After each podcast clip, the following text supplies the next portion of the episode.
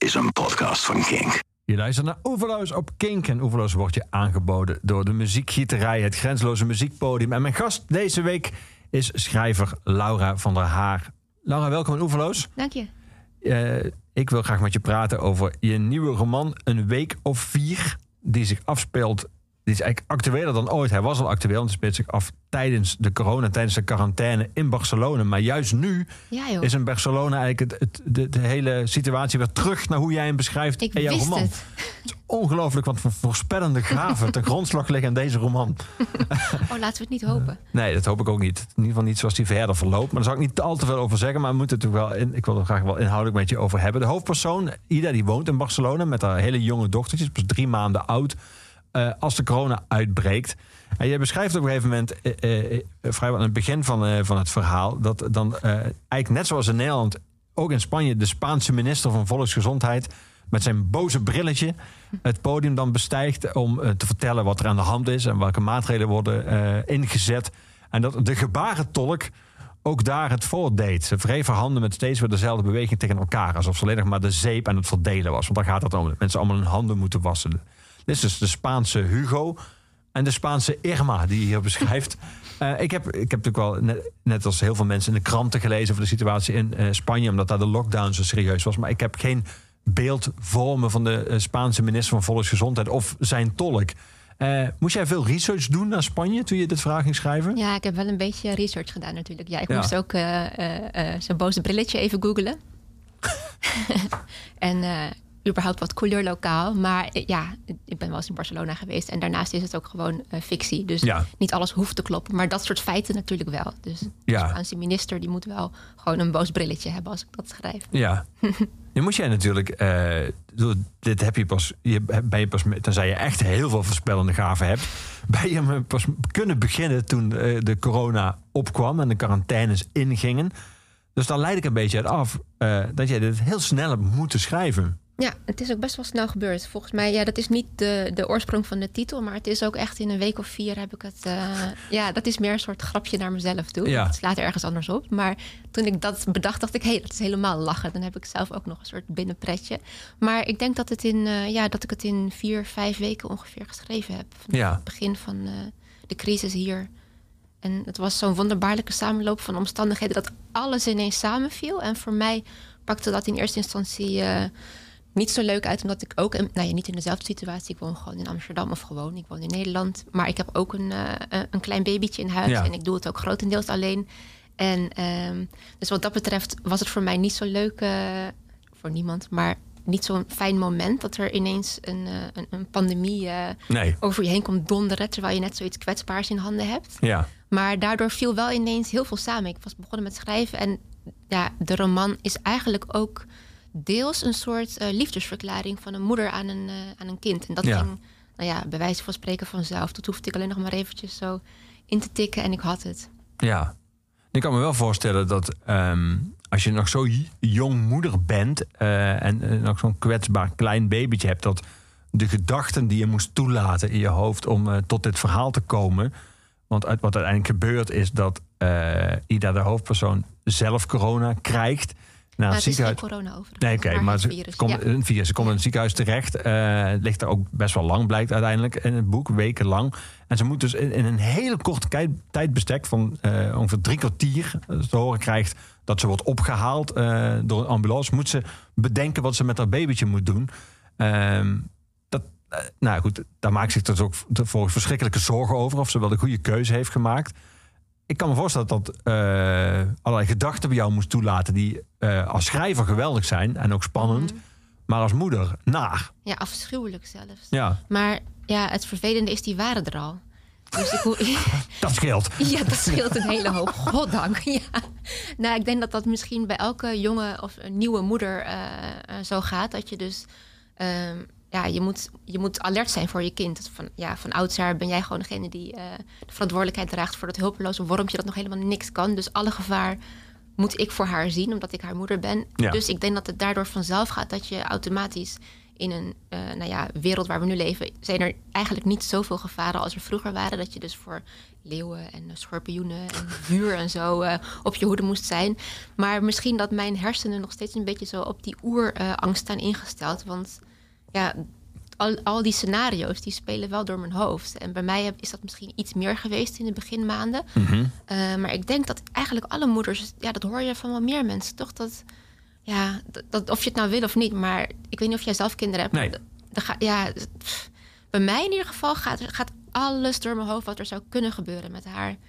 En dat is misschien ook um, om maar alert te blijven en om voorbereid te zijn op alles wat er zou kunnen gebeuren.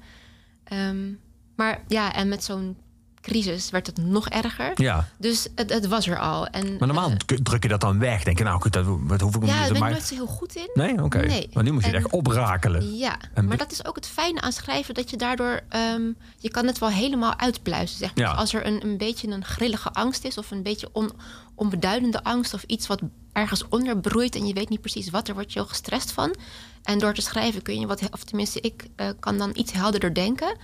En dan kan ik het als het ware uiteenpluizen en denken: ah ja, dit is de angst, dit is de angst, dit is dit, dit is de realiteit. Als er zoiets gebeurt, dan kan ik dat doen, maar waarschijnlijk gebeurt dat niet. En nou ja, het fijne van schrijven is dat het ook bruikbaar is daardoor. Ja. Dat het niet zomaar rondwoekert in dat hoofd. En Nee, het heeft in ieder geval nog een functie. ja, er is nog iets Het leidt tot literatuur. Ja. En wat een he- hele huiveringwekkende scène eh, in het boek is, vind ik, is het moment dat eh, Ida belt en eh, dus eigenlijk doorgeeft eh, aan de, te- telefonist in dit geval wat haar klachten zijn. En dan krijgt ze wat vragen of ze contact heeft gehad met die huisgenoot. Ja, natuurlijk, het huisgenoot is mijn kind. Eh, en dan vraagt ze hoe oud dat kind is. En eh, is er nog even een gesprek over of kinderen dat virus nou wel al dan niet kunnen krijgen. Maar vervolgens krijgt ze te horen: Oké, kunnen u binnen drie kwartier oppas eh, voor John, zegt die vrouw dan. Eh, Jones ja, ze. ja, ze heet John, maar die vrouw zegt Oh ja, John. sorry. Ja. Ja, was je zelf Beter gelijk mezelf. Eh, hebben, hebben geregeld. En zegt ze, ik heb de call inmiddels aangemaakt. Er is een busje onderweg. En dan krijgt ze helemaal te horen, vijf minuten van tevoren ontvangt u bericht op het nummer waar je mee belt. De chauffeur komt naar boven, maar hij gaat niet met u naar binnen. Hij legt het pak aan de deur en dan moet hij een stap naar achteren doen. En vervolgens krijgt u vijf minuten om je uit te kleden en naar buiten te komen. Je moet er helemaal naakt instappen, ook geen ondergoed. En dan krijg je helemaal uitgelegd dat met het koord dat je dan omhoog moet en dan gaat de sluiting dicht. En dat ze zo in dat pak naar buiten moet komen. Ringen af, sieraden af, helemaal naakt. Snapt u dat? Toen ik het las, kreeg ik bijna een soort van zelf eh, het gevoel dat ik iemand een hand op mijn keel legde. Eh, dat zo, Oh, ja? heel knap gedaan. Maar ehm, ging dit zo? Of is dit het, bre- jouw, jouw brein dat hier spreekt? Of heb je Dit dit is ook? wel een klein beetje mijn brein. Oké. Ja, ik zag een soort surfpak-achtig eh, gedoetje vormen. Dat je met zo'n heel groot koord achter op je rug... Want je mag natuurlijk verder niks meer aanraken. Nee, nee. Dan zit je al in dat pak met je handen. Dus je handen zijn veilig. En dan trek je zo dat koord via je rug omhoog. Dat je er helemaal in zit. En ik heb ook wel eens... Dat ik een keer in het ziekenhuis bij iemand op bezoek was... die op zo'n... ehm, op zo'n kamer lag waar geen bacteriën in mochten. Oh ja. Die zo Mhm. gevoelig was. En toen heb ik daarvan onthouden van... je moet ook je ringen altijd afdoen. Dus zelfs bijvoorbeeld als je een trouwring hebt... ehm, dan moet je die doorknippen, ook als die niet meer af kan. Ja, moet mensen kunnen die helemaal niet afdoen inderdaad. Nee, die dan moet die echt worden doorgeknipt. Want daar zitten dus blijkbaar zoveel bacteriën op. En horloges ook. En dat heb ik ook altijd onthouden. En sindsdien vind ik horloges en ringen ook altijd best wel goor. Ik denk, oh ja, er zitten zoveel bacteriën onder. Zoals de, de dreadlocks onder de sieraden. Zo'n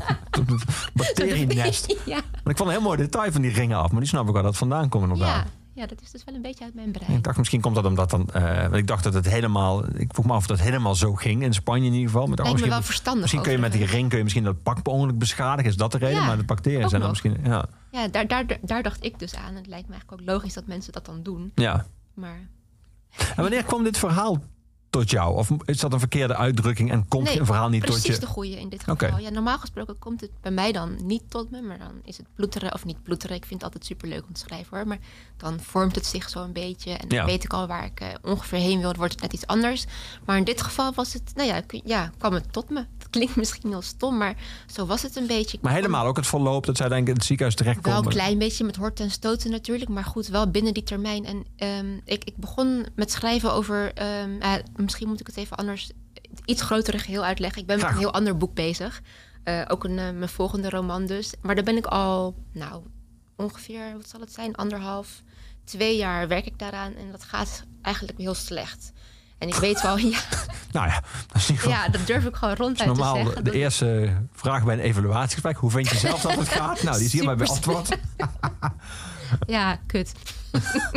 Heel slecht. Nou, ik weet ongeveer wel ehm, wat er moet gebeuren om het iets beter te laten gaan. Ik weet ook waar het heen moet en wat ik wil en eh, wat het decor is. Maar het komt maar niet van de grond. Het is een beetje zo'n dood paard waar ik de hele tijd aan het sjorren ben. En het wil maar niet van zijn plek komen. En ik was super gefrustreerd. En nou ja, ik had natuurlijk ook ik had net een kind gekregen. Dus ik had het sowieso even een tijdje laten liggen. Omdat ik hele andere dingen aan mijn hoofd had. Maar die frustratie was er nog wel. Omdat ik wel een beetje vreesde. Zoals altijd. Van hè, kan ik het nog wel? Lukt het nog wel? Misschien moet ik het weggooien. Al dat werk is voor niks geweest. En toen eh, ging ik even gewoon een krabbeltje maken. Gewoon, dat doe ik wel vaker. Schrijf ik even een hoofdstuk van iets heel anders. En zo heb ik, ik denk dat heel veel mensen dat hebben. Heel veel schrijvers. eh, hoofdstukjes en documenten, Ja. mapjes en beginnen van boeken. Flodders. Exact, Ja. ja. Ja, daar heb ik ook duizend van, van beginnetjes van boeken. En zo, en nu deed ik er weer eentje waarvan ik dacht, nou eventjes, eh, zoals je zeg maar soms als je even je polsen los moet maken, dan schud je even met je handen en ik schrijf dan even een hoofdstukje iets anders.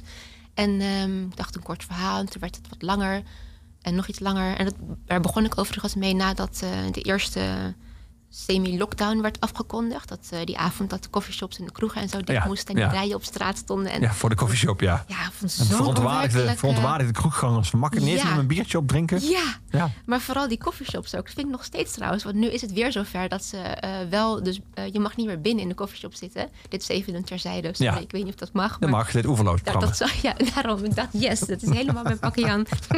Want ik fietste daar gisteren nog langs. En toen...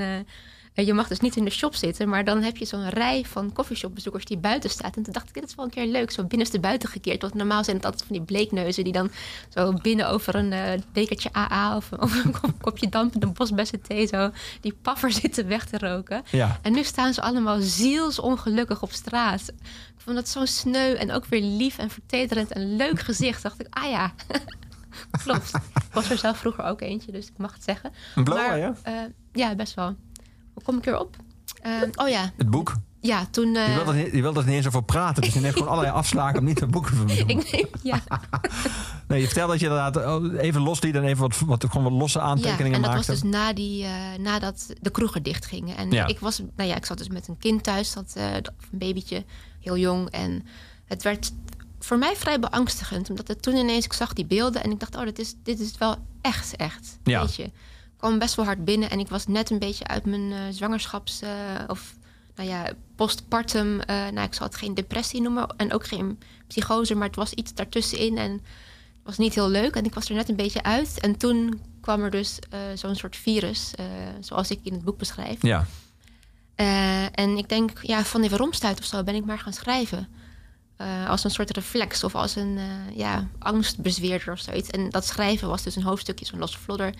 Het groeide maar het groeide maar en het werd maar meer. En ineens wist ik ook, het was ook, ja, ze heette ook Ida, wat Ja. een hartstikke stomme naam is. Maar goed, daar kan ik ook niks aan doen. Dat was gewoon zo. En dat, was al, dat lag al vast voor je. Dat was voor jou besloten. ja, die kwam ook tot mij. Net als de, daarom verbeterde ik je net Jones. Het is ook best wel een stomme naam. Want ik hoor inmiddels van iedereen die dan. eh, heel veel mensen denken dat het Joannes is. Eh, ik dacht, ja, het is gewoon Jones. Maar ehm, ja, dat kwam ook een beetje tot me. En eh, ineens zag ik het einde. Ik wist, eh, het begon, en, waarvan ik dus dacht dat het een kort verhaal of één hoofdstukje was. En ineens wist ik, shit, dit gaat er gebeuren. En toen was het eigenlijk alleen nog maar een kwestie van daarheen Ja, ja. bewegen. En eh, nou ja, ja, ik zal niet zeggen dat het vanzelf ging. Het was best nog wel even een ding. Maar ik heb nog nooit zo soepel een boek geschreven. Nee. Nee. Ik denk ook niet dat het nog een keer lukt, want de omstandigheden waren vrij uniek. Ja, ik zou ze ook niet willen nadoen. Als ik, Absoluut het, niet, als ik het zo hoor, zou ik ze niet willen herhalen. meer. Nee. Nee. nee. Ik zei net per ongeluk, omdat het zo in mijn systeem zit, dat zij corona heeft. Omdat ze natuurlijk eh, heel veel eh, wat ze heeft lijkt op wat we nu kennen als corona. Maar heb je het bewust juist eh, niet corona laten zijn? Omdat dat Ja. misschien ook in de hoop dat we dadelijk allemaal corona zijn vergeten. En dat daarmee het boek helemaal gedateerd is. Nou, vooral eh, technisch foefje. Dat, ehm, ik wilde er wel een roman van maken waarin ik zeg maar mijn hoofd de oorsprong is van alles en niet Ja. per se de feiten. Dus ik had wel, ik wilde mezelf wel een paar uitstapjes veroorloven. Dus ik wilde wel een klein beetje trekken aan de werkelijkheid. Ik had iets, ik had net iets, iets, iets, iets heftiger, of nou ja, nog heftiger denk je dan, maar eh, net iets grilliger verloop van die ziekte nodig Ja. om het nog geloofwaardig te laten zijn. Want zij maakt wel een beslissing in het boek waarvan je nu zou denken, nou ja, het is wel heel maf wat je doet. Ja. Maar ehm, met dat virus is het weer verklaarbaar. Omdat je daar nog koortsachtiger bent. Het is nog sneller. Het Ja. is nog, je ziet daar de mensen dood op straat liggen. Ja, Die, dat decor was in mijn optiek wel nodig om, eh, om het nog geloofwaardig te laten zijn. Ja. En achteraf ben ik er ook wel blij om. Want ik merk nu bij mezelf toch best wel een beetje corona-moeheid soms. En eh, stel je voor dat je dan ook nog een boek moet lezen... waar het de hele tijd over corona gaat. Ja. het zegt ook wel iets over hoe donker het boek is dat je eigenlijk oordeelde dat corona nog niet grillig genoeg is als basis voor jouw boek. Je hebt iets virus, je hebt COVID-20 bedacht, zeg maar, dat nog heftiger is. En, Oh, hopelijk is inderdaad mijn vooruitziende blik niet eh, vanaf nu kapot. eh, ja, we gaan muziek draaien, want Yes. daar hebben we het ook over hebben. We gaan de Highwayman draaien. Dat was een super band. Ehm, de hoes staagt me nu aan met die iconische koppen erop van onder meer Johnny Cash en Chris Christopherson. Eh, en de anderen waren Willie Nelson en Waylon Jennings. Het is ongelooflijk dat die vier mannen samen een podium stonden. Ja, eh, met ook echt van die goede snorren. Ehm, waarom deze? Hoe kwamen de Highwayman jouw leven binnen? Ik zou bijna zeggen, gegalopeerd op een paard. Want dat zie ik dan eigenlijk wel een beetje voor me. Inderdaad. Nou, ze kwamen binnen via mijn vriend. Die, eh, toen ik hem net kende, zat hij eh, een week of zes of zoiets in Texas. Kijk. En, eh, ja, nou ja, dan heb je dus de Highwayman. Ja. Boom, patsboom. Inderdaad, op een paard met een rood, rood boerenzakdoekje om de nek. Nee hoor. Hij kwam daarmee thuis en ik had er nog nooit van gehoord, eerlijk gezegd. En ja, het denderde bij mij gelijk. Ik vond het zo ontzettend goed. En ehm, ik heb het tijdens mijn zwangerschap vrij veel gedraaid. Ik was het een tijd vergeten. En eh, vorig jaar, toen ik zwanger was, eh, ik vond het best wel eh, geruststellende stemmen. Ik vond het heerlijk om, om naar die vier mannen te luisteren. Ja, En ehm, doordat ik het zo vaak gedraaid heb, heeft denk ik mijn kindje in de buik daar ook, ja, die heeft daar natuurlijk ook vaak naar meegeluisterd. En als ik het nu draai, dan merk ik gewoon dat zij het herkent. Dat is, Oh, wauw, echt? Ja, maar ik vind vooral het feit dat het, oh ja, die, die vier oude gasten, ja. Die, die, die met die zware stemmen, ik vind het, het wordt ook steeds mooier. Want het gaat dus over, ehm, het zijn vier alinea's eigenlijk, of hoe noem je dat in een liedje? Vier, ehm, nou, Dus eh coupletten. Coupletten, ja. inderdaad. Ja, coupletten. En die zijn alle vier gaat het over iemand die doodgaat. Dus er is een highwayman, dat is een soort, eh, ja, wat is het eigenlijk? Een soort Britse struikrover, geloof ik. Mhm. Op een paard en een pistool. En een eh, sailor en nou ja, een dambuilder. En, en, en dan heb je nog een, een kapitein van, van een ruimteschip. En eh, die gaan allemaal dood. Dus, en Waylon Jennings, eh, Willie Nelson, Johnny Cash hebben allemaal dus één persona Ja. die ze laten sterven. En dan begint het met Willie Nelson, geloof ik. En ik heb ook het gevoel dat die stemmen, dus ze hebben elk één couplet en één dooie. En ze gaan allemaal, zeg maar, ze willen allemaal niet dood. Dus ze gaan dan dood, maar ze blijven allemaal, ja, en again en again en again. Ze blijven terugkomen. En will remain. En dan begint het dus met die Willie Nelson, die is volgens mij de sailor, of nee, die is de highwayman. En dan komt, ik weet even niet meer wie de tweede is. En ik heb het gevoel dat die stemmen, die worden ook steeds zwaarder. En dan krijg je dus als, als, als slagroomtoef, krijg je als laatste Johnny Cash... die dan in een ruimteschip de captain van een starship is. En oh, ik krijg al kippenvel alleen al als ik hem het eerste woord hoor zingen. Dat heb ik sowieso bij zijn stem. Ja, Ik die vind- werd ook alleen natuurlijk mooier. Die laatste plaat die hij heeft gemaakt met eh, Rick Rubin. eh, waar die eigenlijk vooral bijna praten. Die waren zo Nou, mooi. Ja, dat heb ik ook bijvoorbeeld bij dat nummer. Weet het? Oh shit, ik ben zo slecht in namen. Ehm ehm, When the Man Comes Around. Ja, ja. Het is eigenlijk een heel beetje gestameld nummer. Weet je, het is alleen een gitaartje en misschien één, één toon op een piano of zoiets. Weet ik even niet meer. Mhm. En hij, hij praat een beetje. Ik- Als ik er nu over praat, volgens mij heeft hij dat ook. Dat hij in één, volgens mij zingt hij dat ook ergens in dat liedje van. And your, the hairs on your arm will stand up. Nou, We gaan naar ze je- luisteren. Ja, De Highwayman. Als ze live optraden, spelen ze ook nog nummers van hun eigen, uit hun eigen catalogus. Ze spelen ook altijd heel lang. want Ze hebben natuurlijk allemaal zoveel klassiekers. En er zijn ook allemaal mannen die tot op zeer hoge leeftijd, Johnny Cash natuurlijk, tot Ja. letterlijk de, de laatste ja. dagen is die blijven opnemen. En eh, ja, En dat is helemaal mooi als je ze dan hoort zingen van. Eh, dat, hij, dat hij rond blijft hangen. Ja, precies. We gaan naar luisteren. De Highwayman met het nummer Highwayman 1985.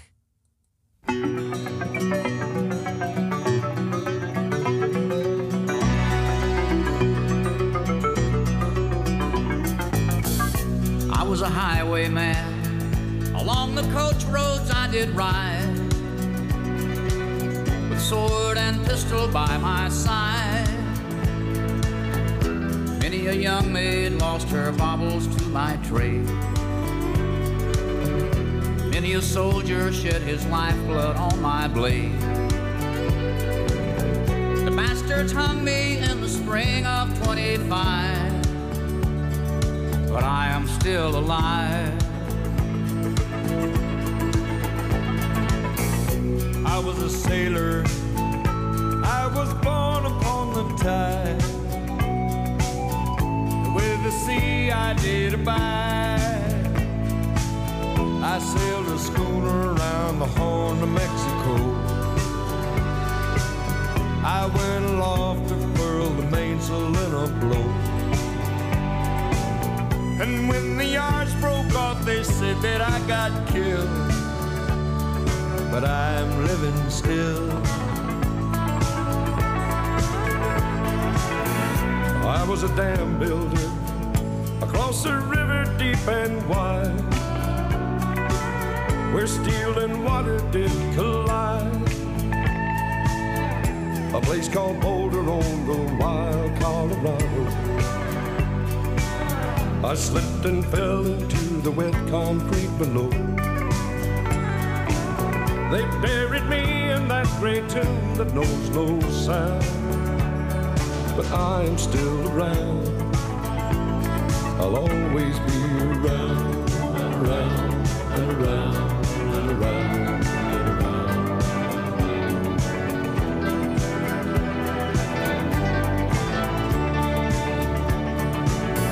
I fly a starship across the universe divide.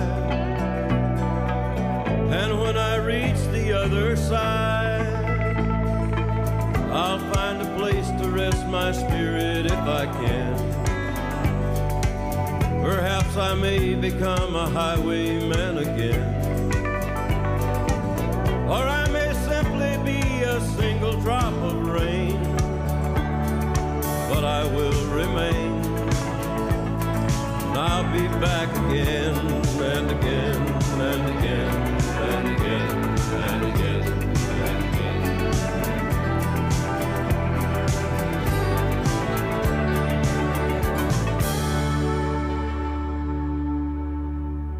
Ja, Laura, The Highwayman. Mooi. Dus dat nam jouw eh, vriend mee uit Texas. Ja, Wat je- wel grappig. want Je kan hij- beroerdere dingen uit Texas meenemen. Absoluut, ja. Die ehm, Ida, die hoofdpersoon van jou, die haar kind eh, dus op even drie kwartier de tijd heeft om te besluiten wat ze met haar babytje moet doen, laat dat- haar kind uiteindelijk achter bij iemand die ze kent uit de yogales, bij Nelly. Eh, en vervolgens in het ziekenhuis blijkt dat ze van die Nelly heeft ze zelf eigenlijk helemaal geen gegevens, maar bij de yogales hebben ze ook haar telefoonnummer niet, waar ze op had gehoopt, maar alleen haar eh, mailadres nel79xx@hotmail.com. Ja. Dat is eigenlijk zo'n adres waar ik meestal dan ongewenste Viagra-reclame van krijg. Zo'n zo'n niet bestaand adres waar echt alles fake aan lijkt. Hoe, eh, hoe heb je NEL 79XX bedacht? Was ik wel Nou, benieuwd in naar. mijn wereld, ehm, ik behoor daar zelf ook eh, tot niet zo heel lang geleden nog toe. Zeg maar die tijd dat, dat je voor het eerst een e-mailadres mocht aanmaken. Dat was, wanneer was het? In de jaren, eind jaren negentig Ja. een beetje. Mhm. Ehm, toen deed iedereen natuurlijk gewoon zijn naam. En dan misschien ook nog zijn geboortedatum. En dan, eh, ik heb nog steeds best wel veel vrienden die een heel raar, onprofessioneel mailadres hebben uit die diepe jaren negentig. Waarschijnlijk ook Hotmail inderdaad. Zoals Nel ook. Ja. Ja. Ja, ik heb hem zelf gelukkig weggeknikkerd. Omdat ik dacht, ja, oh jee, kan ik echt niet meer mee aankomen. Nee. Maar dat is net zoiets als, eh, moet ik nou ineens aan denken, bijvoorbeeld je handtekening. Dat is ook zo'n ding. Ik kan me herinneren dat ik moest hem volgens mij voor mijn pennyrekening toen ik zes was of zoiets. Dan moest je dus een handtekening verzinnen om geld te kunnen storten. Ja. Dus mijn handtekening, die, die is gewoon van, nou hoe oud ben ik nu ook alweer? Oh ja, die is van 31 jaar geleden. En daar zit dus ook nog een, een krul en een bloemetje en een kruis doorheen. Weet je, daar heb ik gewoon mijn initialen en dan heel veel doorheen gekrast en dan een krul. Dat is mijn handtekening. Maar je bent nu schrijver. En ook een gerenommeerde schrijver inmiddels. Die voor prijzen is genomineerd. En een hele goede recensie heeft gekregen. Wat betekent dat je af en toe boeken moet signeren. Ja, maar dat doe ik nooit met een handtekening. Oké, daar was ik bang voor namelijk. Dat die Nee. mensen allemaal een krulletje en een bloem krijgen van je. Maar dat is dus niet zo. Ja, maar dat is ook zo'n relict uit je verleden waarvan je denkt, oh ja, shit. Maar ja, dat- als je zes bent, hoef je niet te verwachten dat je, zeg maar, al... een Ooit boeken gaan signeren. Ja, Zou je wel een heel megalomaan kind zijn als je daar dan al op rekent. ik moet een goede handtekening voor want ik moet hem vaak later heel graag gaan zetten. Maar goed, Nel 79XX. Ik vond hem echt heel gaaf. Hij is ook wel een beetje zo YouPorn, Pornhub-achtig sfeertje heeft hij door die twee x'en. Het is echt alles, inderdaad, alles ja. eraan is... maar het is ook- klopt. maar het is eigenlijk een nachtmerrie natuurlijk. Dat je van iemand eh, geen gegevens hebt behalve een hotmailadres. Nou ja, ze heeft natuurlijk wel haar telefoonnummer, maar ze heeft haar telefoon thuis laten liggen. Precies. Omdat ze niks mee mocht nemen. Maar ja, dat is echt ja, verschrikkelijke nachtmerrie. ja, en bij je de yogaschool hebben ze in ieder geval het nummer inderdaad niet. Nee, Ja. nee, daar heeft ze zich waarschijnlijk met haar mail ingeschreven. Of waarschijnlijk, uiteraard heeft ze zich daar met haar Ja. mail ingeschreven. ja. Ja, Ben jij heel bereikbaar? Ja eh, bereikbaarder dan ik zou willen, denk ik. Hm. Ja, ik, eh, nou, ik ben niet verslaafd aan mijn telefoon, maar hij is wel altijd eh, in de buurt. Ik probeer ook. Ik heb een tijdje met een vriendin. ehm, je hebt die schermtijd-app op je, als je een Ja. iPhone hebt. Dus kun je, ja, is verschrikkelijk confronterend. Dan kun je zien hoeveel wat je per dag zeg maar stuk slaat op je telefoon. Ja. En ik heb een tijdje met een vriendin afgesproken dat we elkaar s'avonds voor we gingen slapen een screenshot gingen sturen van de schermtijd. Omdat je weet van ja, ik ga me zo schamen als dat weer een keer drie uur is of zoiets. Ook eigenlijk grappig dat je dat dan wel gewoon via de telefoon doet. Ja, ja er is niet echt een way around it. zeg maar. Nee. ja. ja, dan moet je dus alsnog lig je nog met dat ding in bed. Exact, ja. Ja, ik kan even niet verzinnen hoe we dat dan moesten doen. Want anders moet je liegen. Of tenminste, moet je liegen, dan Ja. moet je er maar van op aan dat het klopt. Ja. En dat werkte best wel. Want ik ging er wel een soort wedstrijdje van maken om Haar elke verslaan. dag ja, onder de uur te blijven. Dat ik niet Oh. meer dan een uur op mijn telefoon mocht. En toch is dat het grappige is dat het inderdaad. ehm, dat hoor je ook als mensen bijvoorbeeld klagen over. Nou, oké, nu zijn de treinen wel heel erg leeg. Maar vroeger, als je dan in de metro zat of in de trein, keek je om je heen en zat iemand een boek te lezen. Anders zat de krant te lezen. Nu zit iedereen op zijn telefoon te staren. Maar in die telefoon zit ook nu je boek. En zit ook je krant. En zit Ja. ook je app. Inderdaad, je Facebook. Maar ook gewoon lees je ook gewoon eh, op social media dingen. Dat- Het is heel veel tegelijk. Dus op zichzelf, als je zegt drie uur, dan denk ik ja. Dat is drie uur. Ben je niet alleen maar eh, domme. Ben je niet een. TikToker drie uur lang, zeg maar. Je zit Nee, ook. dat heb ik niet eens. Nee. Nee. ik ben er ook heel dankbaar voor. Ik vind het een super waardevol ding en ik haal er ook heel veel uit. Maar daarnaast zit ik natuurlijk ook nog op de computer. En in de ochtend lees ik op de iPad de krant. Dus mijn schermtijd is nog wel net iets meer dan die Ja. drie uur. Eh, en nee, ik vind het groot. Ik, het is fantastisch. Het is een geweldig apparaat. Maar ik, vind, ik merk wel, mijn hoofd is al vrij springerig.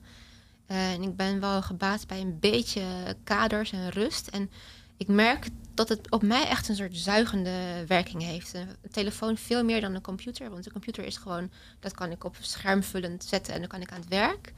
Maar die telefoon, die heeft, ik weet niet.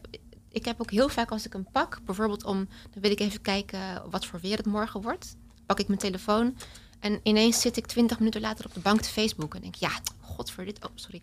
Dat, eh, Mag het? Het is niet bij de EO. Het was niet de bedoeling. Of ja, dat ik bijvoorbeeld op de computer Facebook open heb staan en mijn telefoon pak en daar ineens ga zitten. Ja, Ja. Vind, dat vind ik er heel naar aan. En daar probeer ik van af te komen. Dus ik probeer hem ook heel vaak in een andere ruimte te leggen, zodat ik hem ook niet zie. En ik heb al mijn notificaties nu uitstaan. En eh, ik ben wel een beetje op een dieet. Maar ja, om op je vraag terug te komen, ben ik bereikbaar? Ja, vrij goed. Ja. Alhoewel, nee, ook helemaal niet, niet helemaal. Want ik heb wel altijd mijn telefoon op stil. Ja. Dus als je me belt, dan hoor ik je nooit. Oké. dan voel je dan voel je je gewoon. Want dan voel je hem trillen, nee, neem ik nee, aan. ik, ook niet. trilt ook niet. Oh, nee, wauw. Nee, nee. Dus je hebt eigenlijk altijd gemiste oproepen. Eigenlijk neem ik nooit op. Nee, klopt. Nee, ik ben vrij slecht bereikbaar. Ja, voor grappig, je zegt je best bereikbaar, maar nooit je telefoon opneemt. Ja. Ook dat is veranderd. Vroeger was je dan oh, weet je, niet bereikbaar dat je telefoon niet Ja. opnam. Nu heb je gewoon natuurlijk zoveel Nou, manieren om... Ik denk dat ik meer... Ik ben wel redelijk trouw in... eh, ja, te trouw. Want bijvoorbeeld e-mail, ja, daar hoef je niet gelijk op te antwoorden. Maar ik vind het fijn om dan, zeg maar, ik, ik onthoud dat in mijn hoofd. Dus ik vind het heel fijn om dat opgeruimd, gewoon direct te antwoorden op elke Ja. mail die binnenkomt. Dan is het gewoon schoon in mijn hoofd. En dan is mijn mailbox eh, leeg en daar word ik dan, krijg ik een rustig gevoel van. Dus wat dat betreft ben ik vrij bereikbaar. Als je, als je me mailt, dan heb je waarschijnlijk binnen een uur een antwoord. Ja, En als je belt wel- binnen een week. Ja, ja, dat is een Ja. beetje andersom. Ja. Ja, die Nelly, eh, waar eh, Ida haar kind uiteindelijk eh, naartoe brengt... Die dus, waarvan ze het nummer niet heeft als in het ziekenhuis ligt... en waarvan ze alleen maar dat rare hotmailadres heeft... die heeft zelf tijdens de yogales aan haar verteld... dat ze zelf onlangs een miskraam heeft gehad. Op de een of andere manier geeft dat een enorme lading aan het feit... dat het kind van Ida bij Nelly is. De- het gekke is, ik kan niet precies zelf benoemen waar dat hem in zit... maar die mededeling geeft, dat een enorme, geeft daar een enorme spanning op. Natuurlijk. Ja, hoe heb je dat? eh, hoe, hoe heb je dat? Of, of, of moet ik zeggen, met welke reden heb je dat toegevoegd? Dat de- Ehm, detail dat eigenlijk helemaal geen detail meer is. Nee, het is iets vrij groots. Om, Ja. eh, eh, ten eerste om, ehm, haar gedragingen een beetje te verklaren. Want het is natuurlijk een beetje een weirdo, die Nelly. Eh, overigens is het geen miskraam, maar eh, een eh, doodgeboren kindje. Dus dat maakt het nog net Ja. iets of net een behoorlijk stuk wranger. Ehm, en dat, wat je zelf al zegt, dat geeft het nog iets meer lading om als je al twijfelt over: oké, ik, ik, ik ken eigenlijk maar één iemand in dit land en dat is mijn yoga-kennisje, die haar kind heeft verloren. Eh, en zich tijdens de yogales, ja, zij, dat is ehm, een, een, een yoga-klas voor ehm, eh, jonge moeders, Ja. mensen die net een kind hebben gekregen. Ja, Daar kun je dan met je baby heen. Dan kun je samen yoga een. En eh, dan kun je je, je, je, je, je hoe zeg je dat? Je barenslichaam een beetje on- ontzien en weer in oude vorm terugkomen. Ja. En de babytjes zijn erbij. En die Nelly die is daar ook. En zij is de enige die nooit een baby bij zich heeft. En pas na een paar lessen eh, vertelt ze dus aan Ida van ja, dat komt omdat mijn kindje eh, niet meer leeft. ja. Nou ja, dan voel je al een klein beetje aankomen wat er eventueel zou kunnen gebeuren. Want eh, ja, het is een rare vrouw. Ze kent haar niet heel goed. Ze is nog nooit bij haar thuis geweest. Ze, ziet, ze heeft een ander kind, die, dat, dat, dat yoga-kennisje. Een zoontje waar ze ook, nou ja, op zijn minst een beetje gek mee omgaat. Niet super liefdevol in ieder geval. Dus nou ja, je kan je wel haar twijfels voorstellen van... oké, is, is dit wel de juiste plek om mijn eh, kleine, kleine kwetsbare Ja. eh, eh, babytje te stallen... voor een nou ja, onbepaalde tijd. ja wat korte tijd lijkt, maar uiteindelijk best wel langer wordt. Nou ja, vier weken. Ja, Ja. ik vind. ja, toen mijn babytje drie maanden was, vond ik een uur zonder haar al vrij heftig. Ja. Nick Cave gaan we draaien. Ehm, die zou in Nederland zijn geweest onlangs in de Ziggo Dome. Dat is nu verplaatst naar volgend jaar. Hij is in het voorjaar. Hij heeft daarvoor nog een tour gedaan voordat hij met zijn band speelde. Dat geleken voor zijn nieuwe album waar hij in zijn eentje achter de piano zat. Ja. En in contact ging met zijn publiek, letterlijk. Je kon hem vragen stellen. Ik heb Eh, een uur achter de computer gezeten om kaartjes te krijgen, is mislukt. dat is jammer. Het was heel bijzonder. Ja, was je erbij? Ik was in Nijmegen. Oh ja? Ja, maar het was elke avond anders. Ik heb ook mensen gehad die de dag daarvoor waren in Eindhoven. Het was een totaal andere avond. Oh ja? Ja, omdat het- hij liet zich echt letterlijk sturen door de vragen uit het publiek. Dus die waren natuurlijk per zaal. Heb je zelf iets gevraagd? Nee, nee, nee.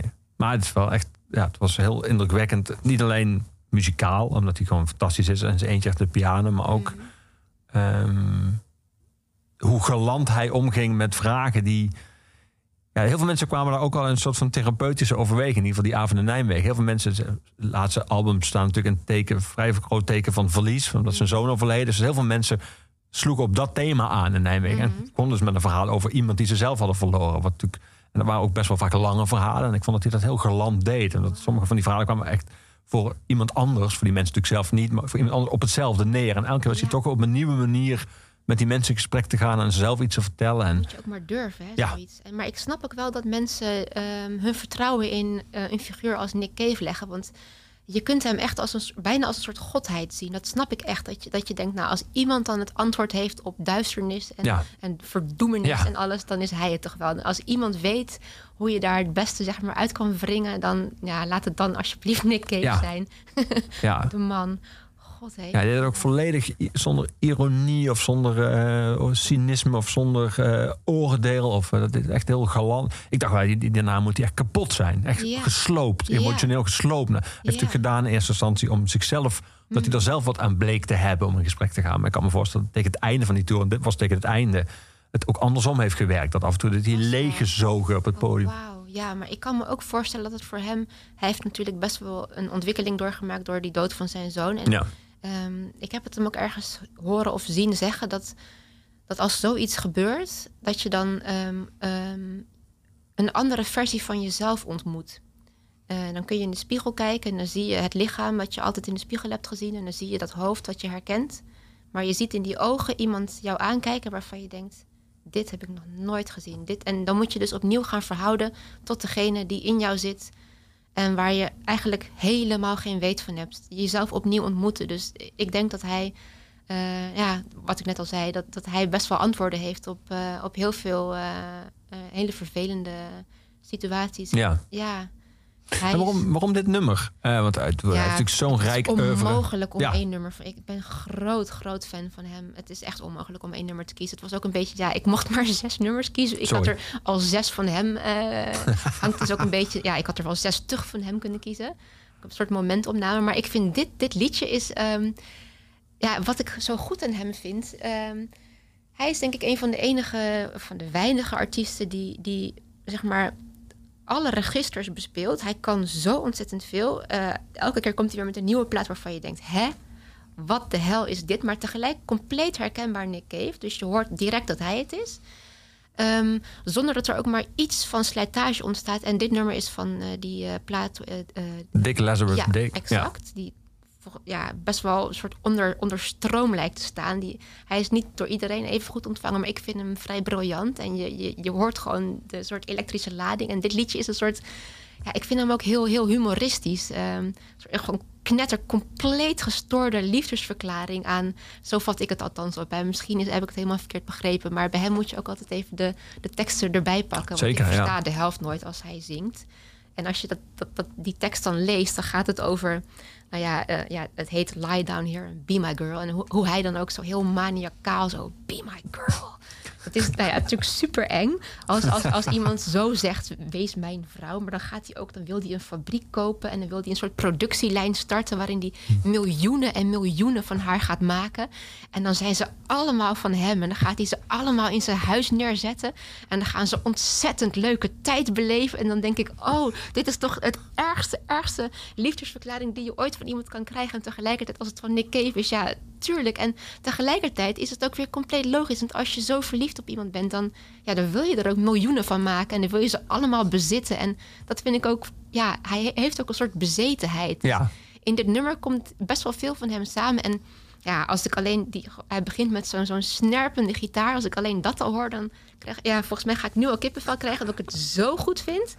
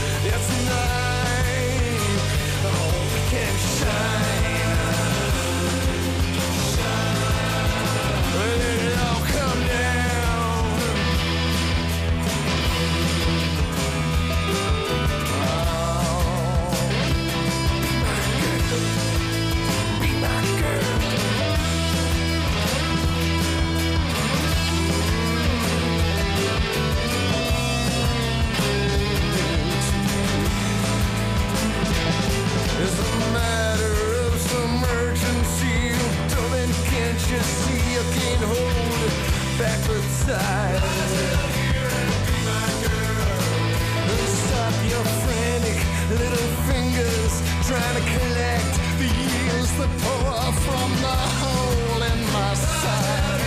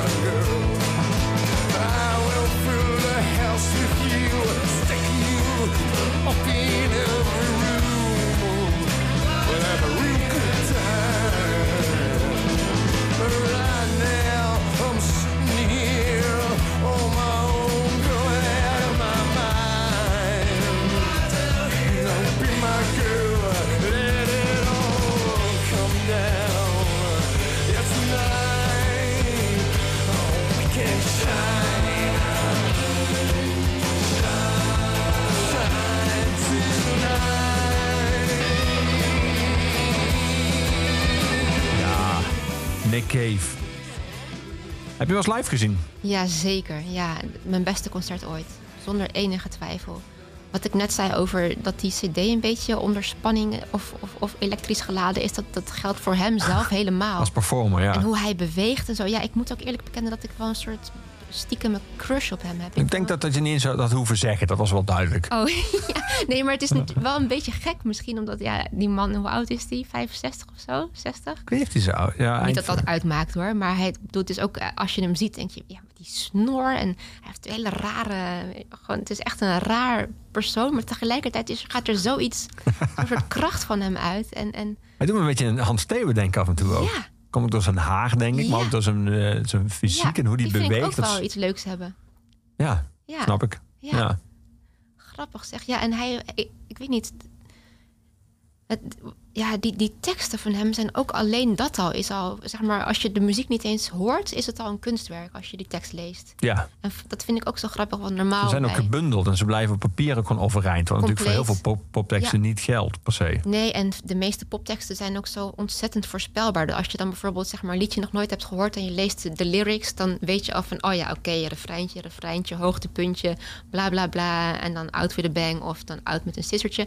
En als je dus die, die tekst van, van Nick Cave leest, dan, dan stel je hebt het liedje nooit gehoord, dan kun je echt denken van, hè? Hoe gaat hij hier in godsnaam chocola van maken? Ja. Hoe kun je dit op een liedje zetten? En dan hoor je het en dan blijkt het nog eens ja, een van de beste liedjes ooit te zijn ook. Ja, Overigens vind ik wel, ik heb ook zijn boeken ehm, gelezen, daar kwam ik niet zo goed doorheen. Dat is misschien dat, zeg maar, die, die kracht die het heeft op de korte baan zeg maar, van een liedje. Eh, die werkt voor mij, misschien moet ik het nog een keer proberen, maar die werkte voor mij in het boek niet. Eh, oké. Hij heeft ook een western geschreven, die is wel heel tof. welke is dat? Bunny Man? Nee. eh, Even de naam vergeten. Hij is zeer donker en gewelddadig. Dus op zich oh, is hij ook wel dat- Caves. Ja, Maar is dat niet Bunny Monroe? nee, volgens mij niet. Oh, de. Nou, die gaan we, Nou, niet, ga- ik ga hem ga, opzoeken. gaan we opzoeken op die Ja, telefoon waar we maximaal drie keer per dag naar mogen kijken. Daarom heb je hem wel wel nodig bijvoorbeeld. Ja. Ja, Ehm, je kunt ook de wetenschapslijn bellen. dat kan ook. Ja. Sta- ik weet niet of nog staat, nog 24 uur per dag iemand zit. Maar als hij in het ziekenhuis ligt, ehm, dan heeft ze opeens allemaal gedachten over wat ze zou willen als dit afgelopen is. Eh, dan wil ze sowieso niet meer in Barcelona zitten. Dan wil ze terug naar Nederland. En dan wil ze ook gewoon, ik citeer even, in een dorp gaan wonen. Met een bakker die glanzende taartjes verkoopt. En een dorp met een buurtsuper. En een café-restaurant met een glazen uitbouw en een plein. Eén kerk en een drogist waar je zelf dropjes kunt scheppen. Muntdrop en kruisdop en kokintjes. Zulke dorpen heb je in iedere provincie. Maar het oosten heeft ze in gedachten. Ik ga in het oosten wonen. Het grappige is dat heel veel mensen hadden natuurlijk, zeker in het begin van de quarantainetijd, hadden ze niet alleen het idee dat de hele wereld hierna anders zou zijn, maar hadden ze ook wel een soort van verlangen dat hun eigen leven hier anders zou worden. Veel Mensen gingen hun huis herontdekken, gingen hun tuin ontdekken, gingen nieuwe hobby's oppakken en hadden allemaal beelden in hun hoofd van oh, hoe dit ook afloopt. Mijn leven gaat vanaf nu anders. En heel vaak was het ook. Ik heb weinig mensen in die tijd gehoord die verlangen hadden naar de stad. Heel veel mensen hadden juist een verlangen uit de stad of naar iets wat ze als kneuterig ervaren vroeger en nu dan als veilig. Hoe was dat bij jou? Eh, eh, want Ida had dat dus eh, heel sterk eh, in, in het ziekenhuis liggend. Maar was dat ook uit jouw leven gegrepen? Ja, absoluut. Ja, want ehm, maar ik kwam net weer een beetje buiten eh, met de babywagen. En eh, nou ja, toen mocht dat niet meer echt, of toen kon je niet meer buiten lopen. En als klap op de vuurpijl had eh, mijn woningbouwvereniging besloten om precies toen de lockdown begon, mijn huis aan twee kanten in de stijgers te zetten. En betongieters en cirkelzagen en bouwvakkers. aan Renovatie, of? Ja, om alles te renoveren. En ook met stijgerdoek. Dus alles was groen als ik naar buiten keek. En overal aan twee kanten waren bouwvakkers. Nou, dat is sowieso al super shit. En als je borstvoeding geeft, helemaal. En als er een klein beetje... Ja, het was echt verschrikkelijk. Dus En bouwvakkers draaien over het algemeen veel, maar nou, niet Nick nee, Cave. zij- nee, inderdaad, die nooit. Het waren wel hele leuke bouwvakkers trouwens. En ze draaiden nooit muziek. Dus het Oh, waren wel echt de beste bouwvakkers ooit. Echt super fijne jongens. Heel lief ook. Maar nee, het was best wel een ramp. Dus dat voedde wel een beetje eh, mijn verlangen naar. Dat heb ik overigens al heel lang. Dat heeft niks met eh, corona te maken. En ook niet echt met eh, moeder worden. Maar ik, ik heb al heel lang zo'n soort sluimerende droom om in het bos te gaan wonen. Of bij het bos in de buurt, op loopafstand van het bos. Of eigenlijk het liefst naast het bos. Dat je dan zo eh, zeg maar je tuin uitloopt. Dus dat je niet de donkerte van het bos hebt. En ook niet dat vochtige, donkere, druilerige kouwen. Maar dan zo aan de ene kant uitzicht. En aan de andere kant de tuin uit het bos in. Dat is echt mijn droom. En eh, toen... ehm, Nou, dat heb je in Amsterdam wel voor anderhalf miljoen zo'n huis. ja, dus dat heb ik gedaan. Ja. Nee, ja, nee. Ehm, dat werd wel, zeg maar...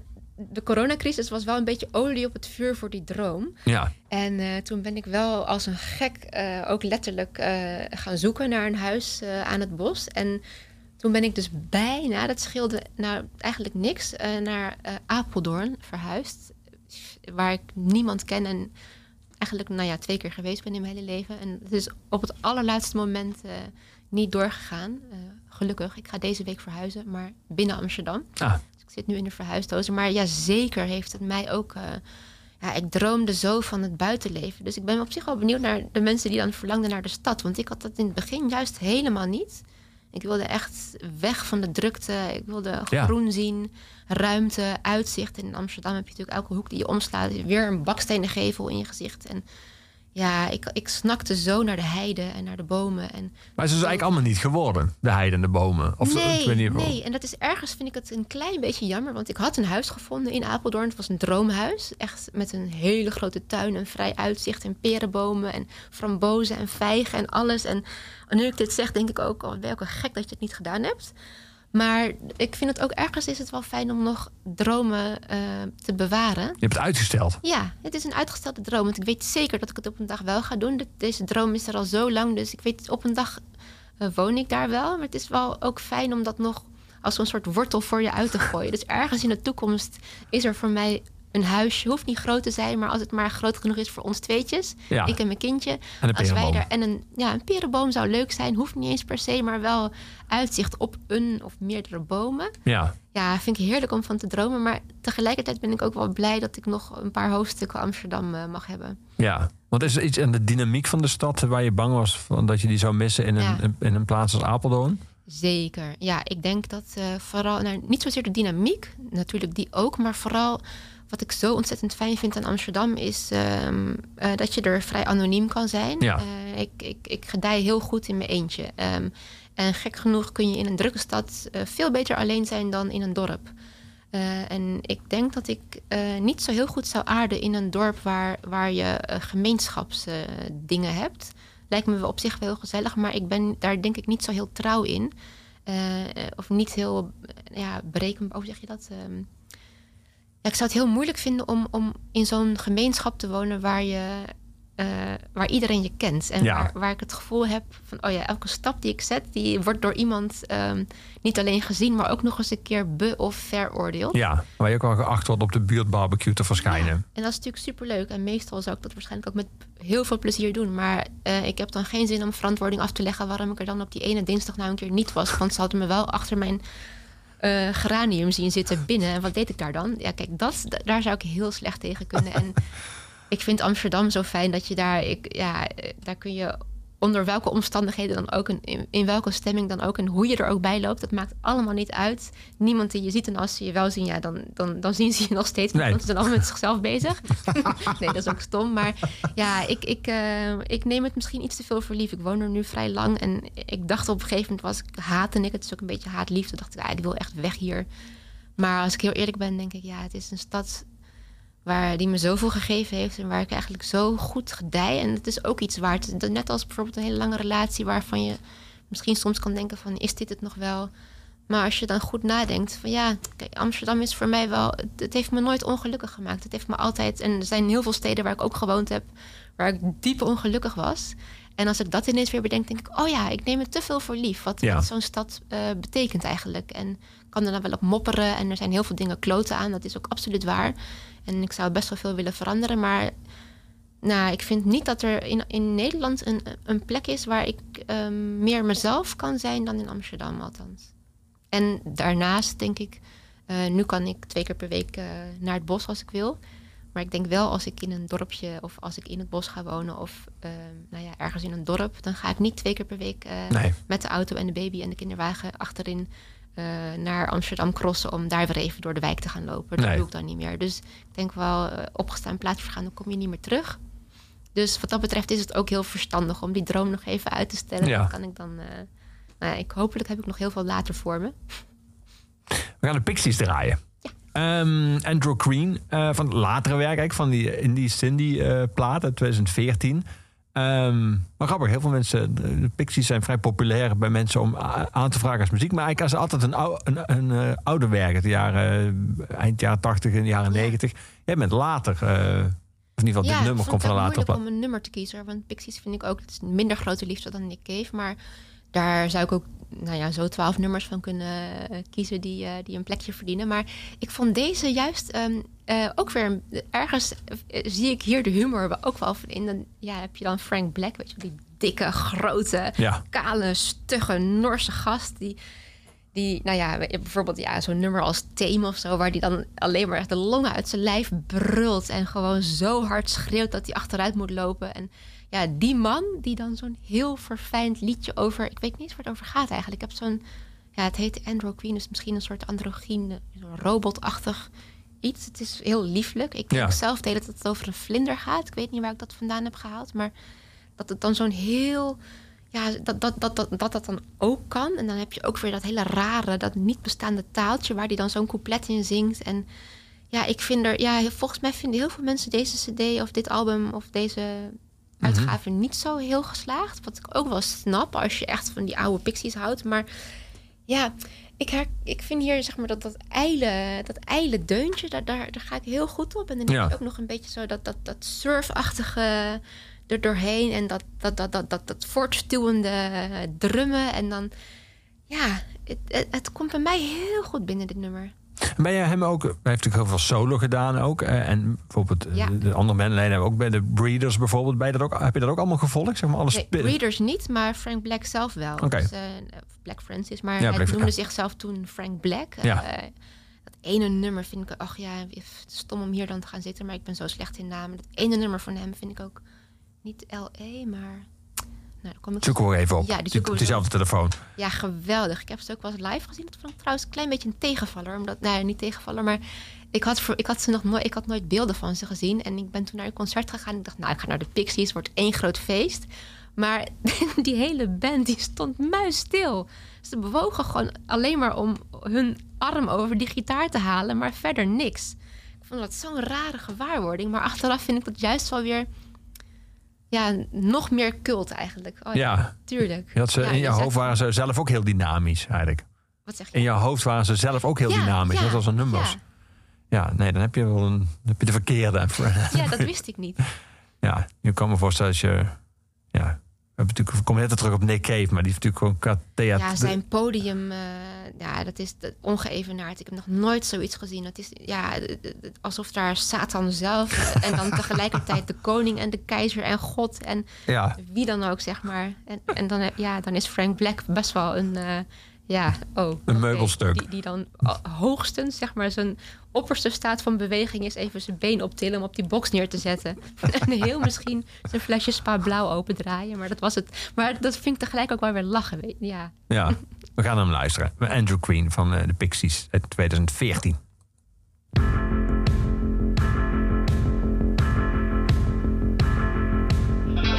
Now Andrew Queen has lost her ring.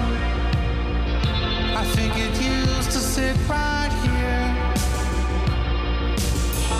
encrusted in blue and hard and true. For now I will kiss her finger. Have you ever seen Andrew Queen? wandering off a ruby. One day she'll come in Yes, she gave me her own true pledge. For what's missing, I'll sacrifice my flesh. Only kissing you is so hard on this wild wretch. That's how it's been with. Loving on